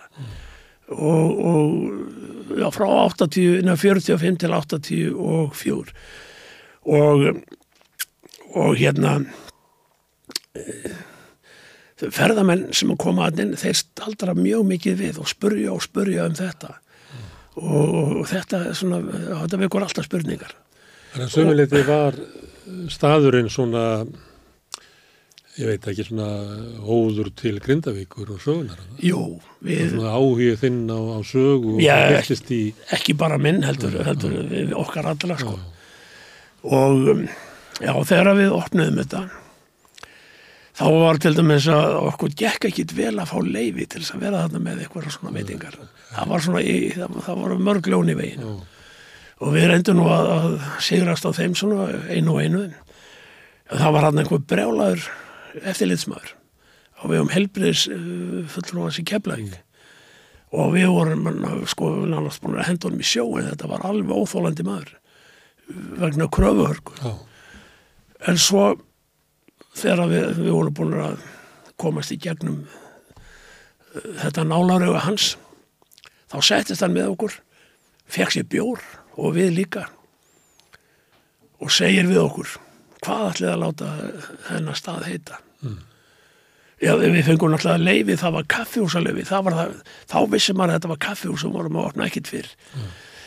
Og við þegar við vorum búin að fá okkur bjór, þá, þá var svona aðeins linara á öllu, öllu stressinu. Og hvað ætlaði að láta þennan stað heita, spyr þessi hundleiðilegi eftirlitsmaður. Við erum að hugsa um að láta þennan stað heita Íðun Svartan vildu vera menningarlegir því að Íðun Svarta var dóttir Moldagnúms sem var, var hérna landnámsmaður í Grindavík Uss, sagði kallið, það er ekki hægt að láta hann heita þessi staðu getur ekki heiti neitt nema Bryggjan og þar með hóst þessi Bryggjusaga En hann gaf á endanum gott til. já, svo reyndist þetta að vera einn príðilegasti náingi þegar, þegar upp á staði þá þegar þið voru hættir að, að deila. eh, Já, já. En, en þið, þá er þetta að borða þarna hjá okkur. Sko, kona mín, hún, hún er mikill snillingur í, í hérna eh, þessu máli, hún vann í sendiráðu í Íslands í Belgíu og eh, sinna eldúsinu þar og, og svo, svo þegar við opnaðum þarna þá fór hún að, að smyrja brauð og baka kökur og þetta var alveg listilega gert og, og hún var með súpur alltaf, það var til dæmis alltaf kjötsúpa á miðjögundum þetta vissu menn og það, þeir sem vildu kjötsúpa, þeir mættu bara alveg reynd klárt í kjötsúpuna. Og, og svo bakaði hann einhverja marestertu sem vakti mikla aðtigli og en þegar við, svona, við erum að fara að opna áður um við opnum þá fer þetta í vinamis sem heitir Sigurger Sigurgjörsson kallaði Geiri Dottu úr Hafnafiði hann var búin að vara kokkur og hann var búin að reyka sjómannastofuna vör. En að, þarna var hann orðið sundlega vörður og ég fyrir til hans upp í sundleg gó, góðum sumardegi. Og segja honum hvað við sem að hugsa. Og hann tekst á loft. Hvetur okkur svakalega. Ég skal elda fyrir ykkur humarsúpu. Og svo vorum við með humarsúpuna sem hann eldaði alltaf á föstudum við vorum svona súpa hverjum degi en svo var hún orðin svo vinsalega við örðum að hafa hana alla daga og Hún var svona enginnis réttur ykkar já svo var hún eiginlega bara flagskipið okkar og fólk kom sér ferð, uh, ferðamenn. já ég, ég veit það ekki en, en. En við opnum, hérna skal ég segja kaffihúsi klukkan sjö á mótnana. Það var bara um leið og við mættum í vinnu á netavestæð. Kristinn bróði minn, hann fór niður, opnaði kaffihúsið og held á könnuna og hafði allt tilbúið. Og vinnur okkar, gömlu kallandi sem voru konur á eftirlaun, ægilega góðir vinnur okkar og, og ábúrslega gaman að spjalla við þá. Þeir mættu þarna alveg í stórhópum, er, klukkan var sjö og fó, fó, komið í kaffi og spjall. Þannig að þetta var það svona stopnun í Grindavík. Já, varði eiginlega svolítið svoleiðis, en, en ein, einu sinni þá allt í hennu kemur fa- farastjóri, bankar kemur inn, full rúta fyrir utan. Þá var hann að, var hann að sækja Amerikanar sem lenda svo snemma á, á flugvellinum og þá var hann að koma með þá og, og inn og í þetta kaffehús. Hann fattaði þetta bara hann einhvern veginn og síðan bara jógst þessi ströymur og það, það alveg fylltist alltaf á mótnana af nýlendum Amerikunum til Íslands. Þetta var eiginlega það fyrsta sem við sá á Íslandi. Þetta var upplýfgandi. En tók kaffihúsið bara yfir nettavestæð? Nei, nei, Nei, Við það, var, að- það var alltaf svona til hliðar. við vorum alltaf, það, það minkaði náttúrulega netavestæð, svolítið Öðrum mér, ástæðum. nætunar voru hornar, sko. það var okkar sko stæsta, en við vorum með troll þarna og, og það var alveg starfsemi alveg fram á þangutið við seldum. Og, og þá tóku þeir við og breyttu þessu svona í starra veitingurs en við vorum með við vorum með, við vorum með svolítið mikla eh, viðburði á bryggjunni. Já. það var, við vorum, það var til dæmis á miðvíkudagum klokkan tíu. Þá vorum við með fund sem við kölluðum millilegaðalust og þar fengum við bara alls konar fólk til þess að mæta. Mér sé að Bjarni Ben kom hann Katrini Jakobsdóttir, hún, hún var nú ekki orðið ráð, ráð þar að þá og, og hérna Guðjón Þórðarsson fótbolta og fullt af fólki til að segja frá og svara spurningum millilegaðalust þetta voru bara þingmenn og, og stórkallar sko. Og, og síðan vorum við með Málfundur, það var líka menningar, dasgrár og... Já, við, höf, við höfðum þetta stránt, sko, þetta var fundastjórn og, og hérna, það, menn passuðu að, sé- passuðu sig á því að þetta færi ekki út í vitleysum. Það var aldrei, við sáðum þetta væri klukkutími, en það væri stundum í hérna söður með sjó, það væri fimm kortir í klukkutíma, það var alls ekki meira. Og svolítið að þetta var nú innan þessara marka og, og gekk mjög vel, en, en svo vorum við með á kvöldin. Við vorum með tónleika það, var- mér, það voru margir sem komu og vildu spila. Djassarar hljómsveitin Adi Hátti verður nú bara hús hljómsveit. Ægilega góðir vinnur okkar og eru enn Sigur. Flósason og Eithor Gunnarsson og, og allt þetta lið sko. Það var píano á staðnum. Við letum það og það var mjög mikilvægt. Það var gott píano. já, mjög, já ég veit ekki það allar að Það hljóma var almenna stilt. þeir, þeir, já, alltaf nýstilt. Þeir komið þarna þegar Eithor Gunnarsson og annar uh, stór píanisti sem heiti Davíð Þór Jónsson. Ná, þegar þeir áttu leið út á flugvöll að sinna eh, einhverjum meirendum þá voru nánast komið þeir alltaf við í Grindavík. Og spiluðu bara á píanói fyrir fólkið, bara miðan dag. Þetta var, þetta var augnablik sem maður, maður getur ekki glemt þetta, mér þótti mjög vænt um þetta. Og, og síðan voru menn með sögustund og annað, ég las fyrir fólki þarna alltaf einhvern tíman og já, já, svo- svona svona, svona Prófa hélt þetta. upp í að vera svona menninga miðstöð. þetta, við fengum, það var nú tekið undir þetta því að Grindavíkur bara hann bara, eitthvað á þetta þá kallaði hann í okkur og veitt okkur bara menningavelun Grindavíkur bæjar ég man ekki, ég held að vera 2011 með minnir það, ég er nú ekki alveg sem að setja það. Við mi mikla viðhöfn í, í Grindavíkur kirkju, þetta var nú svo heilagt. Herðu, eitt varði því að því að þú varst að segja áðan og nefndi pappaðin og sagði já, já. Var hann kallaði það eða? Ja, hann, hann hétt Jóhann, hann hét, sko á færi sko hétt hann Jóhann Jóhansen Já. hann er fættur í Halldórsvík og uh, var tvíburi og hérna ja, þetta var svona, hann var pólitískur hann var mjög pólitískur mm. vinstri sinnaður og Það heitir það á Íslandi að vera pólitísku þá sem vinstri sinnaður. já, allir það Þeir ekki þeir kalla hitt ekki pólitík. nei, nei, ok Hitt er kalla bara að vera eins og vennilugur. já, já, já, já. en hann, hann hérna hann skrifaði í blöð í færiðum já. þegar þeir voru að berjast fyrir fánamálunum hann laði sig fram þar og hann reyf ábyggilega mikinn kjaft. Ég held að hann hafi mér sér flúið að, í því hann skrifa svona grimman texta. En hann skrifaði undir dulnefni og dulnefni hans var melurinn með litlum staf. Og ég ekki að fara lengra út í það. En hérna þú átt kannski eitthvað eftir að heyra meira frá því en hérna já, já, og það voru margi færiðingar í Grindavík. Vinnur hans var hann líka. Og við, við byggðu, hann byggði hús fóraldar minnir byggðu hús. Við fluttum inn í nýtt hús þarna 1958 En sem, þetta, sem að hétt Eyri. Þess að þú alli, já, húsi héttu alltaf eitthvað þá sko. Og þú ert kallaður uh, alli á Eyrið. já, jú, jú, En Grindavík er náttúrulega sjáarplás og uh, því fylgir oft svona, uh, það er svolítið,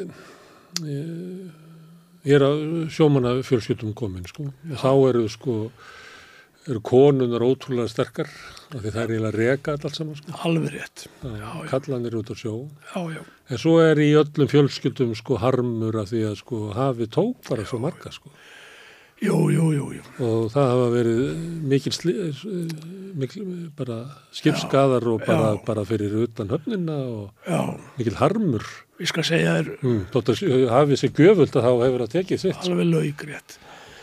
Ég skal segja þér að Íþróttafélag Grindavíkur var stopnað 1935 og þarna var mikil leiklist og, og menningarstarfsemi og það, það þeir börðust fyrir því þeir sem var stjórnuð Íþróttafélaginu að byggja sundlög. Það var sundlög út á Reykjanesi og þeir eh, lágu þar í tjöldum til að hlaða veggina til að eh, gera hann að nótæfa sem að varð aldrei neitt almennlegt. Það var til þess að kenna börnunum að synda af því að þau voru náttúrulega dætt í sjóin og, og kunni ekki neitt. En þau, þeir, það, Íþjóttafélagi barðist fyrir þessu og, og, og endanum þá byggðu þau skíli við Grindavíkur höfn sem að heitir Vikradalur og Kvíavik. Það er búið að fylla þetta allt upp í dag. En þarna byggðu þau skíli og þannig að menn gáttu klætt sér úr og, og farið að synda bara í, í hópinu, í, í sjónum. Menn lærðu nú sem er að synda þar. En svo kom fljótlega uh, það að menn fóru upp á laugavetn og lærðu, voru þar í mánuð og lærðu að synda. Og síðan var syndlegin í keflaðugnótið eftir það til að kenna mannum að segja. En Þá er þetta komin inn á sko 20-stöldin Já, já, Þannig svo- að kallarnir sem varst að lýsa þetta fyrst á árabótanum að þeir voru ósindir sko, Já, sem er alveg og uh, það var svakalegt. En ég ætla að segja aðeins meira frá Íþjóttafélaginu, ég veit ekki hvað við mikið tíma, en um, svo fóru þeir að spila fótbolta og Grindavík var suðunissemestar í fótbolta 1949, hörku flott lið, þe- þekkt nöfn meðal Grindvíkinga, en þeir voru flestir á sjónum, þeir voru á, á bát sem hétt Grindvíkingur. Það var byggður, þetta er fyrsti bátur sem er byggður fyrir Grindavík, eða ekki fyrstur, en, en á gott og vel að hann var byggður upp að Akransi fyrir Grindavík, þetta var mm, st- stór bátur. Og Grindvíkingar stofnuðu félag til þess að kaupa hann. Og bestu fótballtamærindir voru um borðið þessu skipi. Og uh, svo í, já, svo hérna þeir voru 49 og svo já, já, um, áramótin 51-52 þá var haldin mikil ársátið í Grindavík það held Íþróttafélagið ársátið leiklist og ball og þá var Björn er Einarsson að spila. Björn er Einarsson er grindvíkingur. Það, það er að segja þessi með hann, þetta ég að hleypa úr einu í annað, ég verða að skjóta þessi hérna inn á milli. Já, voru að kalla til alla grindvíkinga? Uh, hérna, já sko það voru strákar úr Þorkvöldstæðakverjunu þeir voru kallaði raunkottsbræður þeir voru svona eitt ósip og alltagerðisbræður og þeir voru að læra að syngja svona rattað mjög músikalskir og lærðu eitthvað hjá Kaldalus eitthvað að lesa nótur og eitthvað svo leiðis svo fóru þeir inn í beitningaskur í byrjun í janúar. Allir fjóri bræðunir og sungu og æfði þessu að syngja og alveg endalust beittu og sungu mm. bjóðan um vorið þegar þeir koma út úr skurnum þá sungu þeir eins og M.A. kvartetinn gríðalega flottir. Og einn af þessum mönnum hétt Einar og hann flutti til Reykjavík og var rakari Svonur hans var Björn R. Einarsson og Guðmundur R. Einarsson trommuleikari og þeir settu mikið svip á, tónlistina. En, en þetta var út út úr nú ætlum við að fara aftur í Grindvíkingin um áramóti 51-52 þá þá og þú, þú ert að fara að vinna eitthvað fótballtaleg já sko þeir örðu söðunni sem meistarar hana þessi strákar og ég þekkti nú suma þeirra þeir, þeir fóru, svo fó, voru þeirra bátnum. Þetta var, þeir voru að línu margir voru í landi að beita og aðrir á sjónum eins og gengur þeirra menn á línu. Og 18. janúar 1952 ferst þessi bátur. Og uh, allir bestu fótballtamenni með. Þetta var gríðalegt áfall. Þetta voru svo svarti dagar að Íþróttafélagi dó.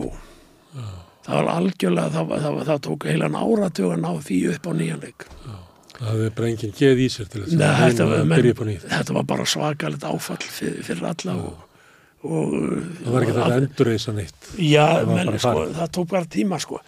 þetta bara því að þú myndist á að sjórin gefur og sjórin tekur. Þetta var, síðan voru fleiri slis sem, uh, alveg inn í, inn í nútíðina sko. eldhamar þarna 95 held ég. Það fór að eitt bjargaðist mér minna það eru fjórir eða fimm sem fórst var bara rétt fyrir utan bríkjuna. Nei, þetta er bara í hósnesinu þetta er bara á leiðin inn sko. Hérna, þú talar svo mikið um menningu, sungið í þarna, frumflutt þarna, eh, en var það ekki, svo að gerða heimildamyndum um Grindavík, sko, snemma á áttundarátögnum, Já, fiskur til steini. sem ég heit fiskurinn til steini Hún var eiginlega um menningarleysi, og Grindvíking voru ekki ánað með hana? það fór mjög illa í grindvíkingar sem þekktu söguna betur sko. grindvíkingar vissu alveg hvað, var, það- hvað menning var þarna bakvið og þekktu allt þetta og ég hef búin að nefna Óla Gauk og ég hef búin að nefna uh, Guðmundar og fleiri sko. og, og það eru miklu fleiri það, það hefur, menn hafa alltaf sungið mikið og, og kveðskapur og Guðbergur Bergson er náttúrulega þarna frá okkur komin sko, nýt áinn Það var þessi mynd, þú vannst þar eftir henni, Já, já, ég þú ert svo gamall, Já, já, ég man eftir. og var þetta bara sjokk að sjá þetta í ríkisvorfinu? Já, þetta fór, já, þetta var, þetta var svolítið sjokk. Grindvíkar urðu mjög reyðir. Og fannst ykkur að vera eins og væri eiginlega að vera niðurlega ykkur bara? Já, ég held, að, ég held nú að þeir hafi nú ekki alltaf niðurlega grinda. Ég held að þeir hafi nú verið að líta á þetta sem sjávarþorp almennt. En við tókum þetta eins og þeir væri að niðurlega okkur. Eða grindvíkingar. Þeir tókum þetta bókstaflega. En svo nefndur Guðberg sem er eiginlega sko höfuð skáld jú. á eftirtíðsárunum. Og það lífi, lífi sem hann er að lýsa er eiginlega sko ótrúlega kallt og hráslagalegt og, og bara En valla. þegar ég, ég þekkti Guðberg ekki mikið, ég þekkti pappans og bræður hans en ég þekkti hann ekki mikið. Þangað til við opnaðum bryggjuna þá bara mætti hann fyrstur manna. Og maðurinn sem var, hann var spænskur gamall maður, maðurinn hans og frænka mín sem var að vinna á bryggjunni var með hund, svakala stóran svartan hund. Og maðurinn hans, eh, þessi spánveri, hann spurði hvort það mætti ekki hafa hundin hjá sér. Og hann, hundurinn var svo hændur að hann að þeir, þeir sátu bara dag eftir dag á bryggjunni í sólinni, í skjóli. Og hundurinn lág hreyfingalösu fætur þessa gamla manns og þetta fór, hann var fljótur að temja hann. En uh, þá kynntist því svolítið Guðbergi. Og um, þú tógar allt upp um mig segi ég. Kynntist honum og hann reyndist okkur gríðarlega vel markastlega fyrir bryggjuna. Vegna þess að það kom fólk í stór hópum niður á bryggju og fór að spurja mig og ég fór að segja þeim. Ég fór með þau í bíltúra uh, í Þorkóldustaf hverju þar sem Guðberg var frá og í Hófsnesi þar sem sögustæðinir voru. Þeir, fólkið sem kom það þekkti bara sögustæðina bara því það, það, það, það var alveg ótrúlegt hvað, er- hvað um þótti væntu Guðberg. Og ótrúlega margt fólk miklu fleiri heldur ég áttaði með á. Verður að tala þá um Íslendinga? Íslendinga, Íslendinga. allt saman Íslendinga ég man skólastjóru laugalega skólans það var kona, mér minni hún hafa heiti Vilborg, hún kom bara hvað eftir annað með hina og þessa með sér til þess að fá mig til þess að segja þeim, það sem ég var búin að segja henni að þeim hjónum. Og svo þegar humarsúpan var tekinu upp. Þá var Guðbergur fyrsti maður til að koma og vera með í henni. Og þeir spurja mig, spánverðarnir, príðismenn þeir spurja mig báðum um að lýsa Guðbergi. Og ég segi það svona eins og kjáni vissi ekki alveg hvað við átt að segja en að þe- þegar ég var að alast upp þá var Guðbergu bara talið mér að letingi. Nefndi ekkert að vera að fara á sjó eða að vinna almennilegt handak hann fór bara í að skrifa bækur. Bara liðleskja. Og svo, svo bæti ég við. En þegar dagur er að kvöldi komin þá reyndist að vera stæstur af öllum. En þetta senasta kliftu spámverðinir út. Og ég varð að segja það fyrir alþjóð að, að Guðberg og Bergson hefði verið, verið letingi. Og þe- þegar hún er frumsynd í Bíóparadís þá var okkur öllum bóðið þarna og, og þar á meðal Guðbergi. Guðberg satt aftast og ég einhvers þar hann í miðju. Og uh, þegar hún var búin þá vorum við kallaður upp við bræður.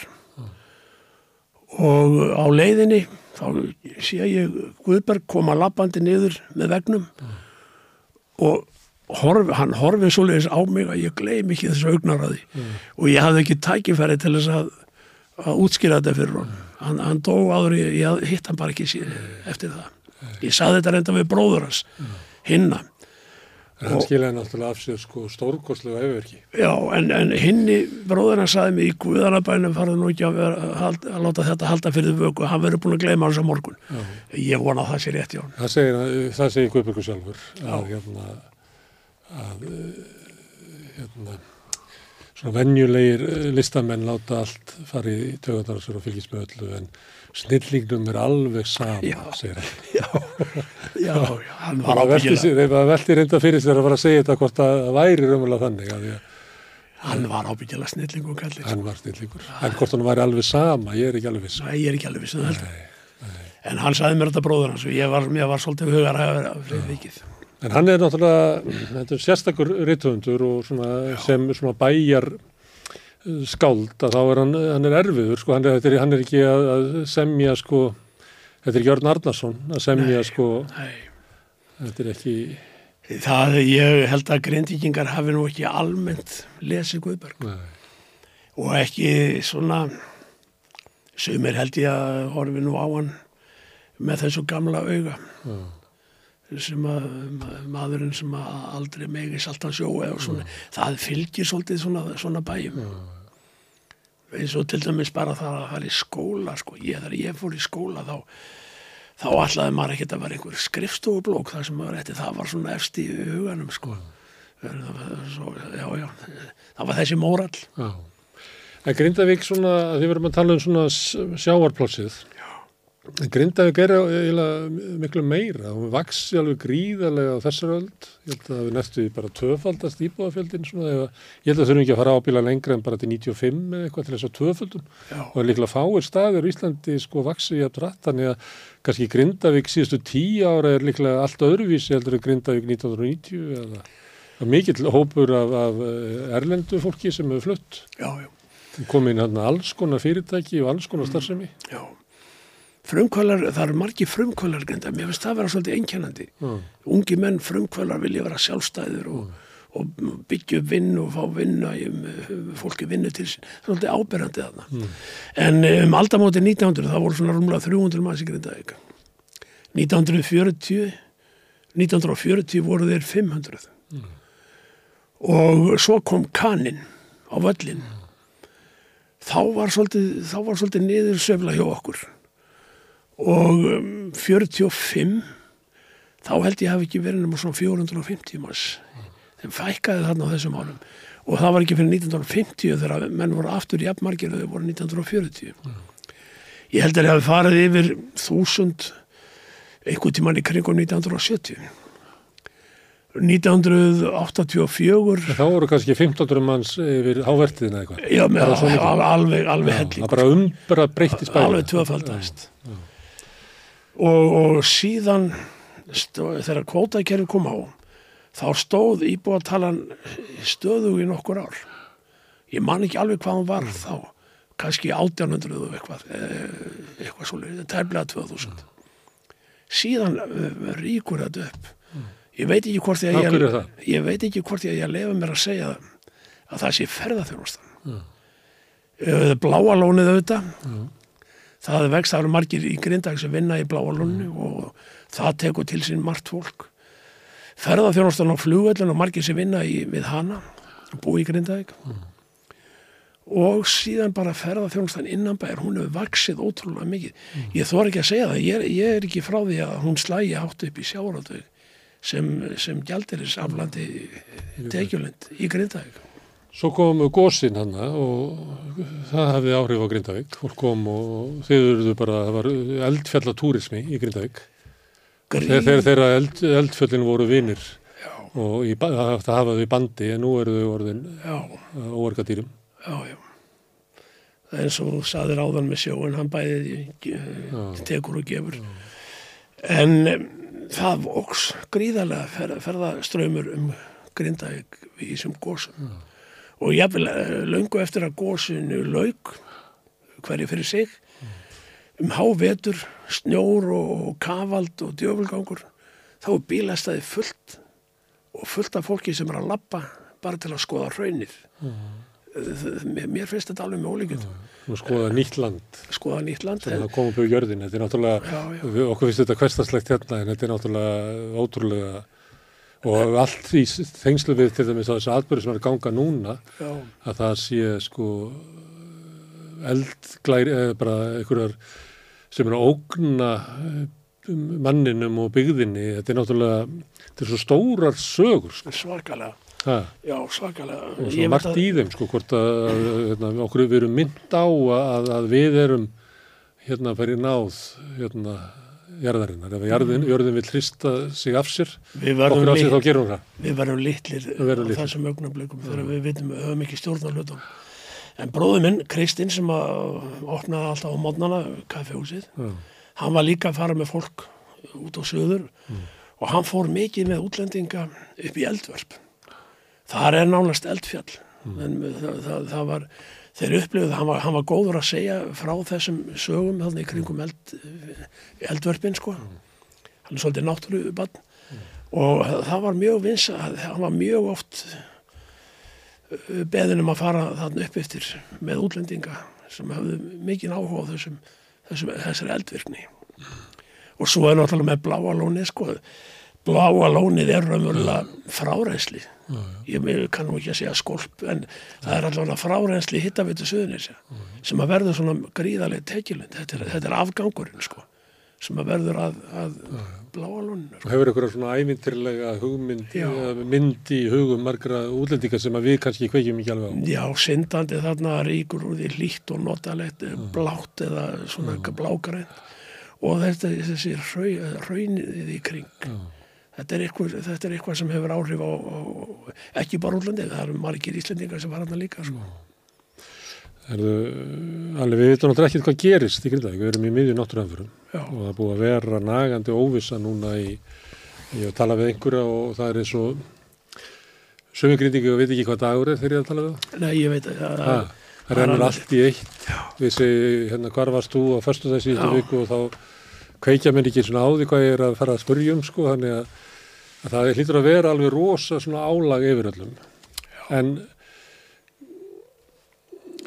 þú sér það ekkert, það var eftir að koma í ljós, ég, ég er. ætla mér að fara heim við fyrsta tækifæri. Og við erum endurbyggjum okkar fyrirtæki alveg við fyrsta tækifæri. Erum reyndar búin að fá smá já, svona uh, komment um það að geta kannski fluttir ekki eitthvað tímabundi með það.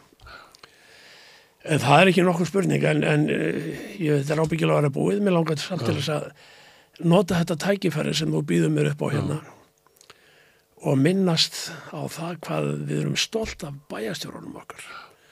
Ég þekki hann ekki mikið því að svona aðeins málkunnur, hann kemur ofan á Suðurlandinu og sveitum þar og er búin að vera hjá okkur bæjastjóri í nokkur ár.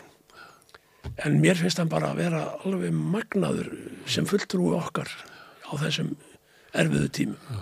Alveg, við erum ægilega stolt af okkar. Það er eitt sem ég hef verið að hugsa þess að rúmi viku. Það er svo lagt mikið á hann og bara bæjar skrifstofuna því að Já. ég býstu þessi skrifstofa er svona, hún sleppur með að, að, að stýra Grindavík á góðum degi. Já, allir það ekki. En dagarnir núna, Já, þannig að það, það hlýtur að það hlýtur að gerast einn daginn að, að bara fórsættisráðundið og utarikisráðundið og segir eitthvað svona, heyrðu, ef ekki að lána, lána þeim þarna svona fimm starfsmenn hvert bara til að svara símanum hérna bara til þess að sinna því að það er, það er ekki fræðilegu möguleiki að þeir sem að gátu rekið sko Grindavík á venjulund degi geti haldið þetta út til langs fram þau verða að fá sko bara eitthvað, hjálp. Já, já, það er en, ég, en það er líka alveg ótrúlegt að En svo verkefnisfélagi eru tvö, Já, já. Hvernig heldur það að sé hjá dagarnir hjá þeim? Nei, er hann er líka grimmur, hann hörður að berjast fyrir sitt fólk. En, en hérna, það er alveg ótrúlegt líka að finna viðmóti hjá öllum í, í, í okkar garð. Þegar ég eh, flúði þarna á Selfoss, eða undan, eins og kallar áðan, bara í skjáltafrí, og, mér var ljóst daginn eftir, þetta var föstudeg og lögadeginu var mér ljóst að, að hérna, við, við vissum bara ekkert hvað við áttum að vera. Ég var búin að panta herbyggja áfram. Þá ringir hjá mig símin netasali sem ringir í mig sem er reyndar tengdafaðir frænguminnar og alli ég á sumabústaði fyrir Havravatn hann stendur þetta bóða og hann og konarnas fóru með okkur upp yfir þetta er stór glæsilegur sumabústaður ég hef ekki sofið svona vel í mörg ár en það, það, þetta bara kemur svona upp í hendutunum og, og það eru miklu fleiri sem geta að tala eitthvað í svipum túr Fólk hefur sagt hérna frá að sko. sendi inn eitthvað með, hérna, ég var að fá húsnæði og það er engin húsgögn og, og svo var fólk bara í því að sækja húsgögn bara strax á eftir sko. þau heita þessi hjón sem að, Grét á milli, sagði konan sem að gera þetta. já, ég veit það Mm. er, Á milli húsa þar sem var að sækja búslóð nýja, grét alltaf í bílum. Þetta er ekkit það, er ekkit að setja í þessi spór þetta er of mikið fyrir mér svona maður en þessi hjón sem að buða okkur þetta hann heiti Daniel Þórarinsson í netasölunni og, og Inga heiti Kornas ég vil bara láta það koma hérna fram Hvað er það að opna þetta? er þetta að vera að búa hjá okkur? Já. þá lá, mér lá, Ljómar, ég- ekki frekar en ég er bara svo forvitin að því að ég, er svona grunum að þú viljir endi þetta með einhverjum hérna á, tildingin máta og ég er bara svo forvitin að vita hvernig það er. þakkaði fyrir, mér langar að vera berja svolítið í, í brjóst grindvinginga, ekki tala bara um neikvæða hluti. Já. mér langar að fara með kvæði, ég segi þér á eftir hver, hver höfundunum er. Landsins gull er í Grindavík vinir. Það er gantast og kapplagt í verk glæstar megar og magnaði sinir mannasálin við hafið er sterk. Hér byr lífið við saltið á sænum sólar megin á íslenskri strönd. Og við leiðumst tvö léttstig í blænum leggjum tryggðin í hlíjunar hönd. Meðan blekin á bárinu syndir brosir kollan við unganum smá. Þegar lífið við voreilminn lindir lifnar brosið við elskunar þrá undir berginu blæðir af sólu brakar strengur á línuna slóð netin hniklast í hæglæti skjólu þegar kvinur við lúðuna lóð. Höfnin góða er hamingja okkar hjarta landsins og slagaði senn. Á bátabryggju er fjölmart sem lokkar landsins búbjörg og fjölgaldra menn Dagbjartur Einars er dýrindis maður, Dóri bróðir og Gauji í vík, Krilli Krossus og Alli svo gladur, kunna sníða úr netonum flík. Í Grindavíkin er gaman að vera, hjá góðu fólki með hjartala hlýtt, að landi bátarnir lífsablan bera og það byrtir og allt verður nýtt.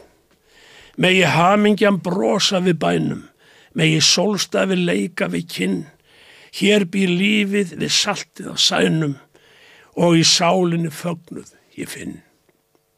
Höfundur þessa ljóðs er vinu minn Átni Jónsson og blessi sér minningar. Þessi sem engas.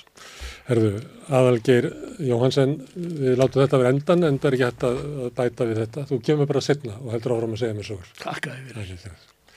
Herðu, þetta er þá lokin á þættinum sinni veils. Við verum aftur hérna næsta sunnundag en það er svolítið óvisa um dasgrana á samstöðunni næstu daga út af framkvæmdum hér í húsinu. Þannig ég hveti ykkur bara til að fylgjast með hvað er framöndan hér á síðunum okkar eh, samstöðun.is og síðum okkar á Facebook. En ég þakka gestum okkar í dag kella fyrir og ykkur sem að, lögðu við eira. Takk fyrir og góða helgi.